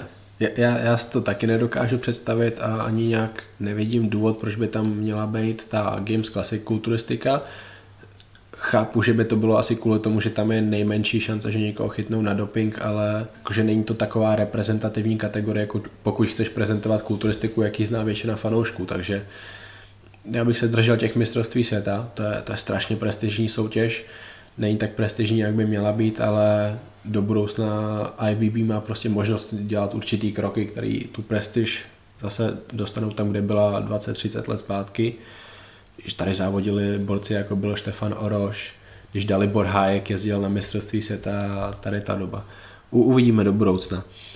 Další věc, která je hodně spojená s tvým jménem, vidím ji díky tvýmu Instagramu, díky videím, který máš eh, z tréninku, různě na internetu, je to Fitness Victory, posilovna, kde působíš jako trenér. Představ mi tady tu posilovnu a řekni mi, jak se ti tam nejenom pracuje, ale taky cvičí. Uh, Fitness Victory je moje taková domo, je to domovská posilovna, kde sám sebe trénuji a kde mám i svoje klienty.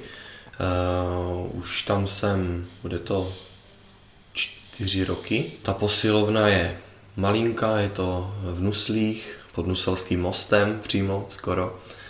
A Eh, je to ty posilovny, eh, kde, kde neplatí jako členství, ale je tam obyčejný vstup, jsou tam permanentky. Eh, posilovna je vybavená vlastně stroji Panata, italskýma strojema. Hele, já, já jsem tam jako spokojený, tam je tam, je, tam, je tam prostě volná váha, jsou tam i ty stroje, protože já ve svém tréninku používám jak volné váhy, tak i ty stroje samozřejmě některý výběr strojů, my jsme se o tom teď z okolností i bavili, eh, by bylo potřeba obměnit, protože některé stroje prostě, kteří tam jsou už čtyři roky, tak jsou de facto nevyužitý, nebo na nich cvičí opravdu lidi, kteří přijdou jenom jako poprvé, ale běžný člověk, který už ví, tak si na nich moc nezacvičí. Tak to ale bývá v každé posilovně. A ty by potřebovali vyměnit, ale to už je jako spíš záležitost eh, toho managementu té posilovny.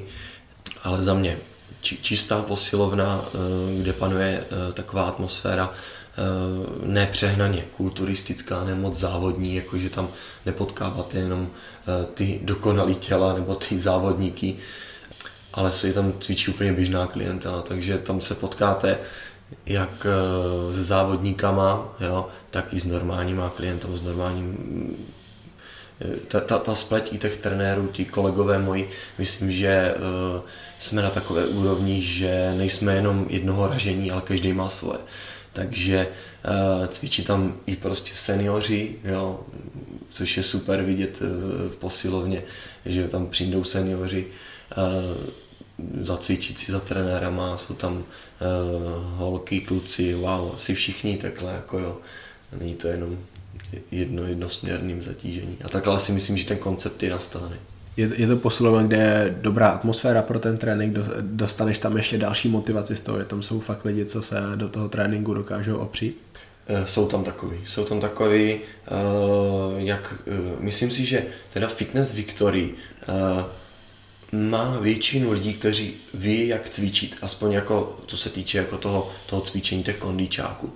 A někteří kluci tam přebírají i ty naše jako postupy těch trenérů a přitom ani jsme netrénovali, ale e, nějak si to dohledali a vidíte tam, to prostě vidí každý trenér, když se tam pohybuju celý den, tak já vím, jak kdo trénuje, jak kdo cvičí, proč to dělá pořád stejně Eh, je zbytečný si tím jako eh, zaplýtvávat hardware, ale já toho člověka pak, když ho vidím třeba v šatně, tak já mu skloním tu poklonu, ať on vidí, ať vidí zpětnou vazbu, že, že něco dělá dobře třeba.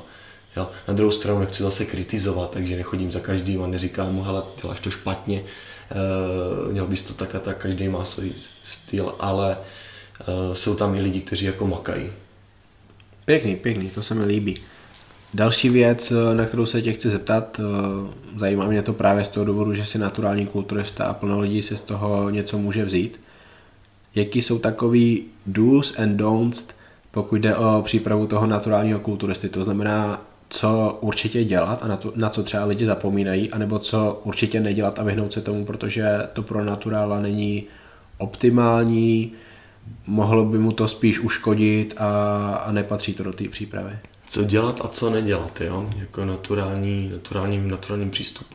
A pokud, pokud bych se tě třeba měl ptát na konkrétní věci, tak něco o kardiu. Prostě co, co tě napadne, když se řekne naturální kulturista hmm. kardia, co už je moc, co už je málo a, a tak. Víš co, to je asi jako individuální. Na každého závodníka eh, nebo toho cvičence bude něco platit jiného, ale eh, primárně jako naturál si musím poskládat trošku v hlavě jako priority, to, to co chci. Jo, pokud chci mít zaměřenou, zaměřený styl nějaký závody, nějaký kondičky nebo mistrovský soutěže, to je už jedno, tak uh, tu hlavu musím mít nastavenou tak a hlavně bych měl věřit, uh, měl bych vybírat adekvátní zdroje informací. To znamená, že ta splet těch informací je v této době daleko širší, než třeba když já jsem začal před deseti lety. A e, to si myslím, že já jsem tehdy nevěděl, jsem se zprosil trenéra, ať mě řekne víc informací. Bral jsem knížky a on mě, on vždycky tipnul cigaretu a e, něco, něco řekl, tím pádem mě setřel a e, já jsem zase přemýšlel o tom, jako o tom základním, o tom povrchním a šlo to taky takhle. A nemusel jsem se zabývat tím, jak trénuje Dorian Yates jo, v knížce. A ono se to pak ukázalo jako funkční model, že jo? Protože proč bych já když vidím Katlera, jak cvičí, tak protože abych to opakoval, teď to nejsem já. Takže vybírat ty informace eh, a konkrétně, konkrétně ty říkáš kardio. Eh, já si nemyslím, že kardio pro kulturistu je důležitý, eh, jako v tom smyslu, aby se tam mučil před závodem. Jasně, když je potřeba, tak je potřeba, ale když někdo řekne, hele, já jezdím kardio na lačno každý den, ty ho jako nemusíš dělat, ty třeba už jsi připravenější a nebo naopak ty ho musíš jet, že jo, dvakrát denně a třeba méně cvičit. Ono to je fakt hrozně individuální. Takže uh, jo, a naturál by neměl teda brát. tak to je jasný. A co třeba dvě hodiny kardia, co dává plnou naturálních bikin? No, tak to, ale bikiny já, já nevím, jo, já, já ne, mám jednu bikinku, kterou jako připravu a když mě poprosí hodně, tak jako jdeme do závodu, ale, ale toto mě připadne jako už na hlavu postavený, no jako dělat, dělat, dělat tolik kardia. Nemyslím si, jako, že ani pro tu babu to má jako význam nějak. Jak moc důležitý je pro naturálního kulturistu mít sílu a rozvíjet tu sílu? To znamená posouvat svoje maximálky, ale ne nutně ty maximálky testovat. E, myslím si, že to má svoji roli, svoje zastoupení v tréninku, takže silová příprava by tam v tom tréninku těch naturálů měla být zařazena. Ostatně jsme zase u té staré školy, jo.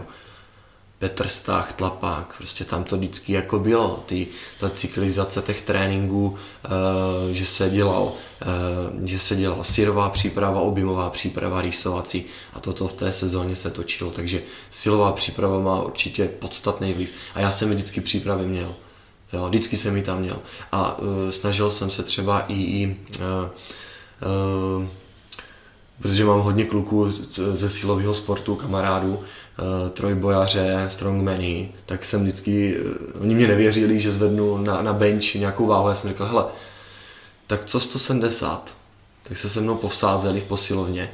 Já jsem, já jsem se na to tak soustředil a oni nevěřili, že to zvednu naturálně. 170 kg bez stopky na Olomouckým Silákovi, to je tak tři roky. A já jsem to zvedl. 170 kg, normálně pracuji v sérii ze 120 kg, jo, jakože nějaký budovací trénink, ale tehdy moje, já jsem se upl absolutně jenom na ten bench press, mě to hrozně bavilo. Dostal jsem nějakou tabulku od, od Petra Folprechta, uh, takže jsem si to napočítával na procenta a já jsem měl ten silový trénink jako na ten bench, úplně specializovaný. A normálně já jsem to zvedl, jsem to, to bylo té garda, jak jsem měl 170 kg pouštět na můj hrudní. To je skoro dvojnásobek tvojí váhy. Jo, teda jsem byl jako vypasený, měl jsem 95 kg, ale, ale jako, jako výborný výsledek. Nebo na tak jsem měl 242,5 kg. Jo, to ještě bylo, když jsem ty záda měl jako takový jako zdravý. Jo, neříkám, že teď mám nezdravý, ale byli, troufnul jsem si to udělat. Takže velké zastoupení silová příprava. Tak eh, poprosil si o pomoc Folise a Folise můžu doporučit, Folis je super a ten toho ví hodně o tréninku a i o takových těch doplňkových cvikách, které opravdu fungují. Takže zdravíme Folise a doufám, že poslouchá. Eh, co třeba nevím, vypalovací série, schazovačky a tady ty věci? Určitě. To jsem eh, jako v přípravě té rysovací, tam, tam, tam to bylo, jako tam už jako se snažím ten trénink mít jako pestřejší, ale neby, ne, že bych to v zásadě jel pořád. Jo, vždycky to mělo nějakou jakože rovinu, když jsme se s někým vyhecovali, nebo jsme byli ve sparingu, anebo jsem se cítil jakože dobře, protože někdy jsem byl tak vysátý, že jsem byl rád, že odjedu jenom tu samotnou jako ten cvik, jo, po čtyřech, pěti sériích. Takže víš co, ono to je potřeba ten, ten naturální organismus vnímat neustále dokola jo, a reagovat na ty změny. Pokud jde o jídelníček, o ostravování, eh, co třeba bílkoviny. Máš takový názor, že nemělo by se chodit na 2 gramy, pod 2 gramy, že něco už je strašně moc? Co tě napadá ohledně bílkovin u naturálu? Ty bílkoviny jsem ve stravě před mistrovství světa můžu říct, že jsem nep, jakože nepřesahoval více jak 2,5 gramu bílkoviny na den. Věřím, že každý, každý to má trošku jinak. Eh, ty, ty zdroje z lékařské fakulty, kde já jsem studoval, tak hovořili úplně o, če, o něčem jiným. Ne, ne, nebrají v potaz jako kulturistu nebo závodníka, to pro ně bylo zprostý slovo. Jo? Eh, co teď zase na druhou stranu prezentují kluci z eh, Lukáš Roubík, tak mně připadne zase trošku víc, jo, než třeba já jsem měl v té přípravě. Věřím, že kdybych tam měl těch bílkovin zase víc, tak eh, možná podržím víc hmoty. Je to otázka, ale, ale nemyslím si, jako, že, že by to mělo nějaký velký význam. Ne, ne, jako víš co, na každého to asi může být jinak. Lukáš Topinka asi bude jíst daleko víc bílkovin než já. Jo, ale neříkám, že to je špatně. Asi pravděpodobně, kdybych já to zkusil tímto způsobem, tak může to zase vypadat jinak. Jsou nějaký postupy v tréninku, to znamená jet jenom volný váhy, jet jenom cvik, jet jenom stroje, nebo je to o balanci. Uh, to znamená rovnováha mezi tím, jak si tady to všechno nastavíš, optimální pro toho naturálního kulturistu, nebo je trénink úplně jedno? Jak, jak vnímáš ještě takhle ten trénink komplexně? Přesně tak, já se na to dívám komplexně. To znamená, že uh, já řeším ty nejdůležitější věci. Já řeším svoji práci, já řeším, aby, bylo, aby jsem byl v pohodě, abych nebyl tolik vystresovaný a pak až teprve já můžu řešit ten trénink k čemu mi je uh, jet poslední dva uh, kontrahovaný, kontrahovaný opakování na biceps, když jsem předtím nebyl odpočinutý, nebo to jsou už tak dílčí záležitosti, že já třeba za těch deset let nebo v té přípravě jsem se tak až nedostal. Takový nejsem až tak dobrý profesionál, abych se dostal k tady těm dílčím záležitostem. To znamená, že já ten trénink e, beru jako povinnost, kterou splním, kterou vím, jak mám odjet Eh, ale neřeším úplně jako načasování a počet opakování. Ale chápu zase kluci, kteří se připravují, že, to, eh, že se na to upnou a že je to pro ně důležitý. Oni jsou pak z toho v, eh, v pohodě, oni jsou v klidu. Když to odjedou takhle, splnili si a můžou být spokojení. Já to tak nemám. Já ten trénink prostě odjedu možná na pocit, možná si něco, něco si přidám, ale nemám ho tak úplně sofistikovaný, což asi třeba i vypovídá o tom, že když jsem trénoval s Jirkou Kočvárou dvakrát, tak to bylo pod jeho taktovkou. On to vedl. Jo, to samý, eh, když třeba trénuje s Lukášem Topinkou, tak já udám jeden cik, on udá jeden cik. A ještě si spíš přijde, Topinka je ten hardkorář, tak pojď, teď začínáme, teď jako jedeme ještě sérii ale rád se nechám vést, ale vidí, vidíš, že jsem se nedopracoval úplně k tomu, že pořád mám ty mezery v tom, jo. Jako vědomně vím o nich. Teď je otázka, jestli ty mezery, když je vyplníš, tak by ti v něčem reálně pomohly, anebo to, že ty se držíš ty komplexní stránky, že v tom máš rovnováhu, že se tím nestresuješ, že se držíš těch základů, které jsou nejdůležitější a lidi se musí upnout na ty základy, až pak můžou řešit ty detaily, ale někdy třeba zjistí, že to není potřeba. Jestli tady to by ti vůbec nějak pomohlo nebo ne. Ale to je možná otázka pro posluchače, co si o tím myslej. Ještě jedna věc k tomuhle, co by měl dělat natura, co by neměl dělat. Napadají mě nuly v přípravě, nuly sacharidů. Oh, jestli tam byly, tak bylo jich jako pár. Ta, ta, ta omílaná pořád nula, nejznámější, jakože relativní nula pár jich tam bylo, ale bylo to, bylo to, byla to příprava, kdy já jsem, kdy já jsem to cykloval, ty sacharidy, ze dne na den to bylo trošku jinak. Jo, nebo jsem si utvořil nějaký rámec eh, na ten týden, kdy jsem věděl, že ten pík budu mít ve středu a nejnižší hodnotu se dostanu třeba v pátek a pak zase na druhou stranu to budu doplňovat a trošku si přidám a trošku budu s těma makarama pracovat, že je budu snižovat bílkoviny a zvyšovat sacharidy. Tímto způsobem já jsem postupoval a pro tento rok jsem udělal velkou změnu, eh, nebo takovou změnu, kterou jsem sám pocítil, že byla dobrá, pozitivní a to bylo vyřazení cheat nějakých dejů nebo cheat mealů. Byl jeden cheat meal, takový zábavný, který ti můžu říct, kdy už eh, u nás doma to vygradovalo v tom, že já už jsem byl tak protivný, tak nepříjemný, kdy Martina vzala ty dorty ze svatby, jsme přijeli ze Slovenska a dala mě to, dala mě to pod, eh, pod obličej a já jsem to musel sníst. Takže jestli to bylo dobře nebo špatně, každopádně každý jsme si uvědomili, že tudy cesta nevede, ale byl to takový zajímavý, zajímavý exces, no. Já... Ona už byla tak naštvaná, že já jsem to musel sníst, já jsem byl tak naštvaný, že jsem to snědl, jestli se tím něco změní. Nic se nezměnilo, ale aspoň jsme se trošku vybalancovali a jeli jsme dál. Taky nevím, jestli to bylo dobře nebo špatně, ale jak říkají v Americe, tady to je perfektní segway na další otázku. Já vůbec nevím, jestli jsi věděl, že ty se tě na ní budu ptát, ale Slovensko. A vaše cesta na Slovensko a zpátky.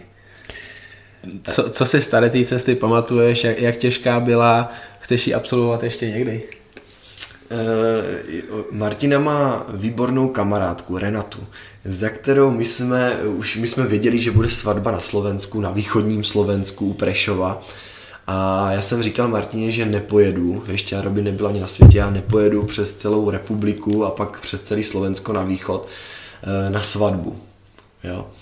A to se mi řekl, že prostě si zaprvé si na to netroufnu a s prckem někde cestovat, člověk neví, co se jako stane, nemám úplně jako spolehli, nejspolehlivější auto, prostě ne, ne, neoplývám nejmodernější technikou. Ale já jsem řekl, že ne. Nakonec to dopadlo tak, že teda jsme jeli, protože samozřejmě páleníček si nesmí nechat ujít e, žranici. A tak jsme se vydali na tu cestu, Udělali jsme si zastávku na Jižní Moravě, kde Martina pochází, takže tam jsem měl takový záchytný bod, kde si jako odpočneme a protože nejsem nějaký vášnivý řidič, tak jsem za to byl moc rád. A i tak prostě ta cesta byla jako pro mě, pro mě jako náročná, protože protože z Prahy, e, z Prahy až k tomu na ten Prešov prostě mě to dalo dohromady nějakých 9 hodin, my jsme jeli v, ten, v tu špičku prostě, nebo jsme to chytli takže ta cesta byla, ta cesta byla delší, ale svatba proběhla perfektní. Zajímavý bylo, že před rokem nebo dvouma, když jsme byli na svatbě mého kamaráda, tak Martina se e, pozvracela z alkoholu, já jsem se, to ani neví, e, pozvracela z jídla. A tento rok to dopadlo tak, že jsme šli v 10 hodin spát a byli jsme už samozřejmě spokojení, že jo, protože už Robin chtěl taky spát a ráno jsme byli první na snídani a už jsem požadoval vajíčka, že jo, jako kulturista, ale tak zvládlo se to. Prešov, Slováci, je, já jsem nevěděl, jak to tam jako chodí, ale některým jsem nerozuměl, když jsme na Spišském hradu se snažili domluvit, tak někomu jsem rozuměl jenom asi třetinu na východním Slovensku. Ale jinak, jinak, jinak to byla zábava velká zábava. Východní Slovensko, západní Ukrajina, západ Asie, já jsem tam ještě nebyl. Můj rekord je Liptov, tady ta oblast Liptovský Mikuláš, Liptovská Mara. Fu, do tady těch končin, do tady ty exotiky bych se celkem bál, ale mo- možná někdy. Eh, co, co tě tam třeba zaujalo? V čem je to jiný, kromě toho, že jsi tam skoro nikomu nerozuměl? Ne, tak to by to řeknu asi špatně, že jsem jako... Já si dělám taky srandu. Ale, ale uh, my jsme tam byli v době, kdy jako bylo takový pochmurný počasí, takže uh, to nebylo úplně tak veselé, že by tam nebyla ta svatba, tak asi tam někde se schoulím a uh, jako medvěd hibernuju, ale uh, v čem je to jiný? No tak určitě ta svatba, třeba ta svatba byla jiná, než jako jsme měli mít třeba u nás v Česku, ty zvyky jsou jako rozdílnější, že jo, ti Slováci zase to mají jiný, takže na věci, kterými jsme byli zvyklí, že jsme dělali na svatbě, tak některý tam chyběli, něco bylo, něco bylo navíc. Jo, i když jsme měli taky svatbu v kostele, tak tam, tam se všichni modlili u, u, u stolu. Oni jsou velice pobožní. E, co ještě tam bylo? Jo, tanec, tam byl nějaký, jakože nebyla tombola standardní, ale e, takový zvyky. E, to už my jsme tam nebyli, to se k nám pak dostalo zpětně, že prostě každý, kdo tancuje pak s nevěstou, že jo, tak musí dávat nebo dávat nějaký příspěvek, to my jsme taky neměli jako ty rozdílnosti v té svatbě. Asi o, té, asi o Slovácích a o, o východním Slovensku nemůžu hovořit, ne, nebyl jsem tam tak dlouho. To, to se mi líbí, ještě mě zajímá poslední věc, co jsi tam dal dobrýho k jídlu, kromě těch vajíček ráno.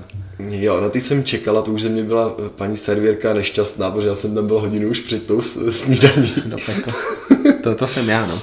A ona chudera mě to přinesla, já jsem se pak až dozvěděl, že teda ta snídaně je otevřená až za hodinu. ale nekomentoval. Byl jsi tam aspoň v 8 ráno nebo už v 6? Myslím, že už v 7 jsme tam byli, nebo nějak takhle, nebo 8. Jakože všichni dospávali, ale my jako páleničci už první samozřejmě, nebo hlavně já, že jo. Eh, den předtím jsem se si načasoval nějaký cheat day, ale eh, to znamená, že to bylo ještě na začátku září, takže eh, já jsem si tam samozřejmě dal nějaký jídlo, panenka, normálně ty chody, to tam chodilo, takže to jsem si moc užil před kerem polívka, panenka tam byla. no, a jak my jsme seděli u stolu s těma Slováky, oni nás posadili takové jako skupině uh, Slováků, kteří žijí v Británii, uh, dentisté a sportovci, triatlonisti, Eh, moc jsme se neslyšeli, pravda, že bych si s nima rád popovídal i jako mm, eh, bez, bez toho uh, ruchu svatebního, ale prostě ten ruch tam byl ještě ten Robin do toho, takže ta komunikace nebyla až tak velká, ale co bylo zajímavé, že vždycky přišel k nám ten talíř s těma dezertama, tam byly nějaký punčový řezy. No a ten talíř se vždycky zastavil u páleníčka a neodcházel, on totiž neodešel celý. A Martina se pak smála, že prostě ten tady u mě zastavil se a já jsem ty punčový řezy všechny sprášil. Ty byly jako výborný, takže ale nikdo si toho nevšiml, doufám. To je taky můj případ. Já jsem vždycky myslel, že takhle, když doputuje talíř, takže to je jakože pro mě, ne, že to mám poslat dál, ale mě to nevadilo nikdy. No. Honzo, jdeme na bleskovky. Já začnu těma nudnýma, těma, který už lidi u mě v podcastu slyšeli a pak se dostanu k nějakým originálním, ale tady ty, mě, mě, mě to prostě zajímá. A zajímalo by mě, kdo je pro tebe osobně aktuálně nejlepším kulturistou na světě tím, jak se tobě líbí, tím, jak se ti líbí jeho postava.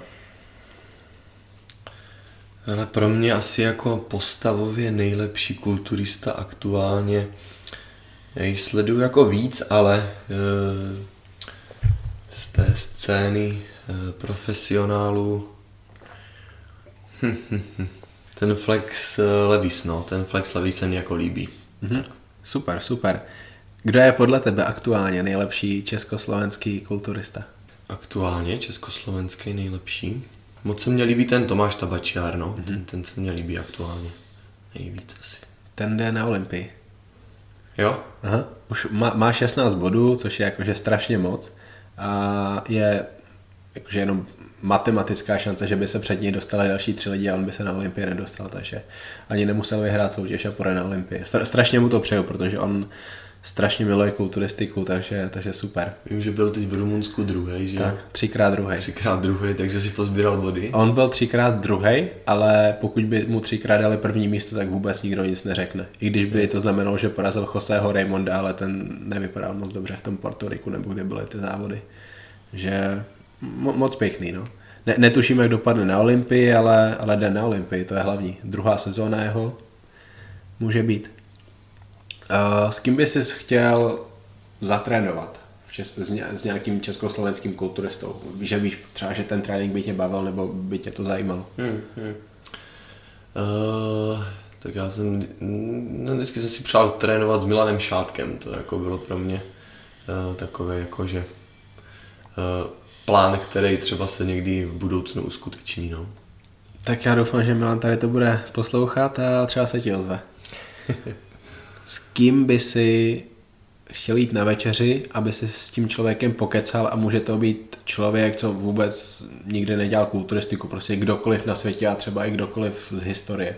Tomáš Garik Masaryk, Karel IV., kdo, kdokoliv z historie. Alexandr Veliký. Ale uh, jako takovým svým klidem mě vždycky uh, uchvacuje, když já se dívám na ty uh, dokumenty o té přírodě, tak ten Attenborough. to jsem nečekal. Zajímavé. tak s tím, kdybych uměl perfektně anglicky, tak bych šel za ten Boroughem na večeři. Zajímavé, Ma- masakr. To, to, to, by, to mě vůbec nenapadlo, že takhle odpovíš. Uh, další otázka. Jaká je jedna vlastnost, kterou chceš, aby měl Robínek, až bude velký? Asi, aby byl, aby byl takovej svůj, no. To je asi tak nejdůležitější, být svůj. No. Už víš, na jaký ho dáš sport? A dáš ho vůbec na nějaký sport? uh, tak určitě bych chtěl, aby, aby sportoval, že jo, Robin, aby měl nějaký základ, já jsem ho taky měl. Uh, a už asi jedno, co bude dělat, co ho bude bavit, v čem se bude cítit dobře. Kulturistiku mu určitě jako doporučovat nebudu, ale to víš, no, tak zvedání váh, já myslím, že ho to taky bude bavit. Já myslím, že jestli, jestli bude mít po tátovi testosteron, tak, tak ho to asi nějak chytne. Uh, v jaký době by si chtěl žít z historie? Starověký Egypt, středověká Francie, hmm. první republika, cokoliv. Má, máš takhle nějakou svou ale Ne, že bych tam chtěl žít, ale třeba by mě zajímalo, no, jak eh, to, ta doba vlastně před naším letopočtem, 2000 let před naším letopočtem, eh, pyramida, Egypt, eh, tady ten starověký Egypt, možná i Řím, Řecko. Asi tvrdá doba, víš co, ale každá doba má svoje jako stinné stránky, i ty pozitivní stránky. Takže mě tady tato doba vyhovuje, ve které žiju, se líbí i kde žiju, za to jsem moc rád. Ale, ale ta doba vlastně toho, toho rozkvětu té, té civilizace, eh, těch pyramid a všechno, to, to muselo být jako úžasný. Víme o tom tak málo, že mě to možná zajímalo. Jakou poslední věc ses naučil, pokud jde o tréninky jídelníček? Poslední věc? Nějakou poslední věc. Aha. Uh, tak eh, možná takový to uh, pracování s těma sacharidama, protože ty sacharidy v té stravě mě hodně ovlivňují, takže trochu to, dávko, to dávkování a ten výběr té makroživiny, toho jako samotného sacharidu, toho cukru. Uvědomil jsem si, že se můžu odměnit dortem, ale že to jako kulturista můžu i uh, lépe z toho profitovat, když to třeba ten dort není. Ale i si to teď můžu dovolit, jakože off-season, ale nějak pracování s těma makroživinama, no. Máš nějakou vysněnou dovolenou, kam by si rád vzal rodinu? Min- minimálně uh, wow. na týden? Víš co, moje vysněná dovolená může proběhnout kdekoliv. Možná i třeba v tom Chorvatsku, kde se mně líbí, ale uh, společně s Martinou třeba Eh, bychom rádi zase se podívali někam eh, dál než jenom Evropa, takže třeba, eh, třeba ty Kanárské ostrovy nebo, nebo Kapverdy.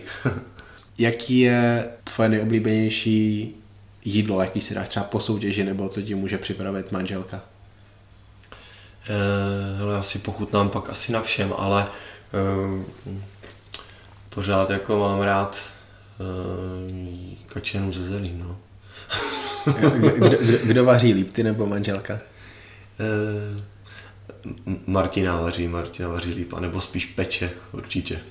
co, co, ti, co ti dokáže upíct, co, co, na co se prostě těšíš strašně dlouho? Pro mě, pro mě je to třeba oříšková bábovka. Jo, jo, jo. Pro mě to, pro mě to byl uh, Míša Řez, ale ten ještě neproběhl. Tak to byl Makovec, no. Tak, tak. to je zajímavé. Tak teď si můžeš dopřávat, teď jsi po soutěži jakýho kulturistu sleduješ ze všeho nejradši, pokud jde o jeho tréninky? Co tě třeba nejvíc nakopne před tréninkem, motivuje, co se ti nejvíc líbí, protože trénuje třeba tvým stylem? No právě. Ehm, já pokud je to jako pro mě jako vlastní, tak eh, to spíš se rád podívám. Takže mě, mě i baví prostě, jak trénujou eh, eh, ne úplně tak jako mladí kluci, ale ta, ta garda těch sportovců, kteří už mají něco jako odcvičeného. Takže já když se podívám na kulturisty, prostě z těch mástrů, ať už, ať už jsou to třeba teď aktuálně, co se připravují kluci na mistrovství světa. Ty česky já spíš sleduju, jo. Uh, ty zahraniční až tak moc ne, takže, takže ty tréninky, víš co, to je, to je různý, jako nemám, nemám vyhraněný, vyhraněný jako lidi, no. Na jaký sport se nejradši koukáš, ať už na televizi nebo na internetu, pokud vůbec nějaké sporty. Já miluju uh, a jsem tím vždycky žil přes zimu, uh, jako sledovat horlesce, jo? dívat se na ty, na ty monumenty, na ty panoramata, kam oni jdou a trošku tak jako s nima to prožívám. Jo? I takhle jako jsem přečetl víc knížek těch od Reinholda Messnera. Jo? Ty jeho příběhy, kdy ještě nebyl ten Everest úplně tak eh, komerční záležitost, ale eh, z těch českých eh, určitě Radek Jaroš, pak někteří ti blázni na Slovensku, prostě, kteří, někteří tam prostě i nechávají život. Takže to je takový pro mě sport, který je s tou kulturistikou hodně spojený, víš. Každý tam kope jako de facto sám za sebe, ale můžou být tým a musí být tým, aby si pak jako pomohli. Takže eh, tady to dobývání těch osmitisícovek, to vždycky žasnu nad tím, no. To bivakování, ta klimatizace, to odhodlování, odhodlání, ta mentalita toho sportu, eh, toho horolezce, prostě něco, něco úžasného. Jo, to je takový sport, eh, takový spíš životní styl a má to hodně spojený s tou naším, s tou naším bláznostvím z té kulturistiky, že člověk tím musí jako žít připravuje se na jeden moment, rozumíš? Buď vstoupíš na tu horu nebo nevstoupíš, buď tě ona pustí nebo nepustí. Je to ovlivněno daleko víc eh, věcma, než eh, jenom prostě eh, ten jako hlavní, hlavní tok, že jo, fotbal, hokej a tak dále. Ti strašně děkuji za tady tu odpověď, protože já tady ty poslední dvě minuty omlívám, protože já se strašně bojím vejšek. takže, takže paráda. Uh, hele, zajímalo by mě, kromě rodiny, kromě tréninku, kromě tvojí práce, co je ta největší vášeň ve tvém životě, o co se třeba ještě zajímáš, ale, ale lidi by to nenapadlo nebo to tobě nevědí. Krom, vášeň? Kromě podcastů teda, no. Jasně, kromě podcastů. Tak trošku takový objevování jako neznámých míst. Já mám rád prostě chození, že si rád výjdu někam sám nebo, nebo i s někým, to je jedno, ale hrozně rád jako chodím, takže Eh, já když mě vysadíš někde eh, v Prdelákově, tak prostě se tam projdu a objevuju. To, to samé bylo třeba i na Slovensku, když toho času tam tolik nebylo. Ale eh, my jsme teď uvízli na den v Lisabonu. Já jsem věděl, že ten den, těch 24 hodin, musím využít, tak já už jsem brzo ráno vyrazil a chodil jsem po Lisabonu Eh, jezdil jsem tam metrem a byl jsem na, vě- na místech, kde jsem v životě nebyl, takže neřekl bych, že to je úplně taková moje vášeň, ale takový únik, jako únik trošku eh, z, té, z toho všedního dne. Eh, a je to jedno, jestli jsem v lese, nebo když si jdu zaběhat, nebo něco, tak prostě objevuju takový. To je zajímavá odpověď, já jsem rád, že jsi tam nezatáhnul hory, protože na, na sebe ještě tady omdývám. Tam ním ještě nejezdím na ty hory. No a poslední bleskovka. Já se teďka musím smát, protože prostě ta se sem hodí po tom eh, předchozím podcastu, který teda vyjde až za 6,5 hodiny po tom, co já se tě na tady to ptám, ale my nahráváme ve středu dopoledne, takže tak to prostě vychází. Máš nějakou kaďáčkovou historku ze závodu po závodu, kdy seš, kdy ses pořádně posral, nebo se ti tady to nestává? Ty brdio, tak teď narazil normálně uh, na příběh, který se mi zdal aktuálně teď po závodech. Jo. Já jsem teď měl poprvé v životě jako problémy uh, s trávením a potom mistrovství světa jsem týden byl chodící mrtvola, takže se mě v posilovně ptali, jestli se připravuje ještě na další závody. Já, jsem myslel, říkám, že ne, protože já jsem nemohl nic jíst, uh, mě bylo špatně, měl jsem křeče, pak jsem měl i teploty Nebyla to vyloženě kaďáčková epizoda ale Lukáš Topinka, ale eh, když jsme letěli letadlem, tak eh, tak prostě, tak prostě, víš co, jak je ta klimatizace, tak ty víš, že si můžeš něco dovolit. A já si to dovoluju, protože proč bych tam jako dvě, dvě hodiny, tři hodiny jako trpěl, abych se vznesl víc, než bylo to letadlo. Ale když si vedle tebe sedne holka, tak prostě nemůžeš, že jo. A když ta holka tě ještě jako spovídá, jako co, co děláš a chce se s tebou bavit, tak tam prostě nemůžeš jako prostě fungovat tady tímto stylem. Urvat ho. Takže já jsem měl takový křeče, že jsem fakt už jako modlil se, až přistaneme v tom Lisabonu a ten Lisabon pořád svítil a on svítil asi tři čtvrtě hodiny, vole. a já už jsem nevěděl prostě, co se bude dál dít. A ona ještě řekla, jestli si nedám to jídlo, co, co je, protože viděla, že jsem po závodech, jsem hrozně hladový, tak mě to dala, já říkám, já jsem řekl, ano, dám si, děkuju. A ona zase, a nechceš ještě tady toto jídlo, ona to ta moje kámoška nejí. A přinesla mě dalších pět těch jídel, že to z té výpravy nechcou a že já jsem ten šampion a že si to zasloužím. Tak já už jsem byl úplně nafouklej a pak jsem vystoupil a říkám tomu Milanovi Etzlerovi, že teda to se mi ještě v životě nestalo, že jsem fakt úplně se potil a to bylo fakt nepříjemný. Chodící, srající mrtvola. já, já si myslím, že tady to je perfektní zakončení podcastu. Strašně moc děkuju za tvůj čas. Líbí se mi tady u vás eh, na východě Prahy. Ještě jednou mi řekni to, ten název vesnice, protože já si ho fakt nepamatuju. Eh, obec Šestajovice. Obec Šestajovice. Ne, to, to si nezapamatuju.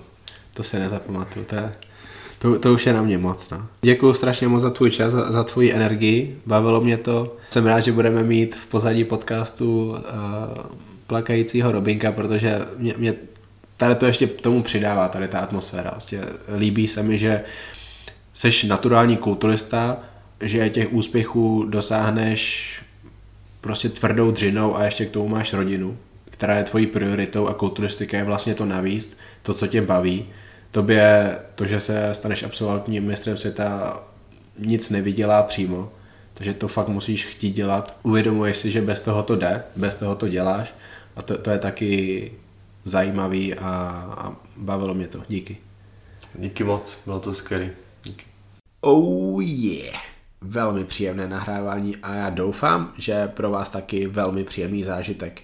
Mimochodem, všímáte si toho, jaké hosty si sem beru? Mají toho dost společného a to se mi líbí. Zatím se držíme toho, co je real.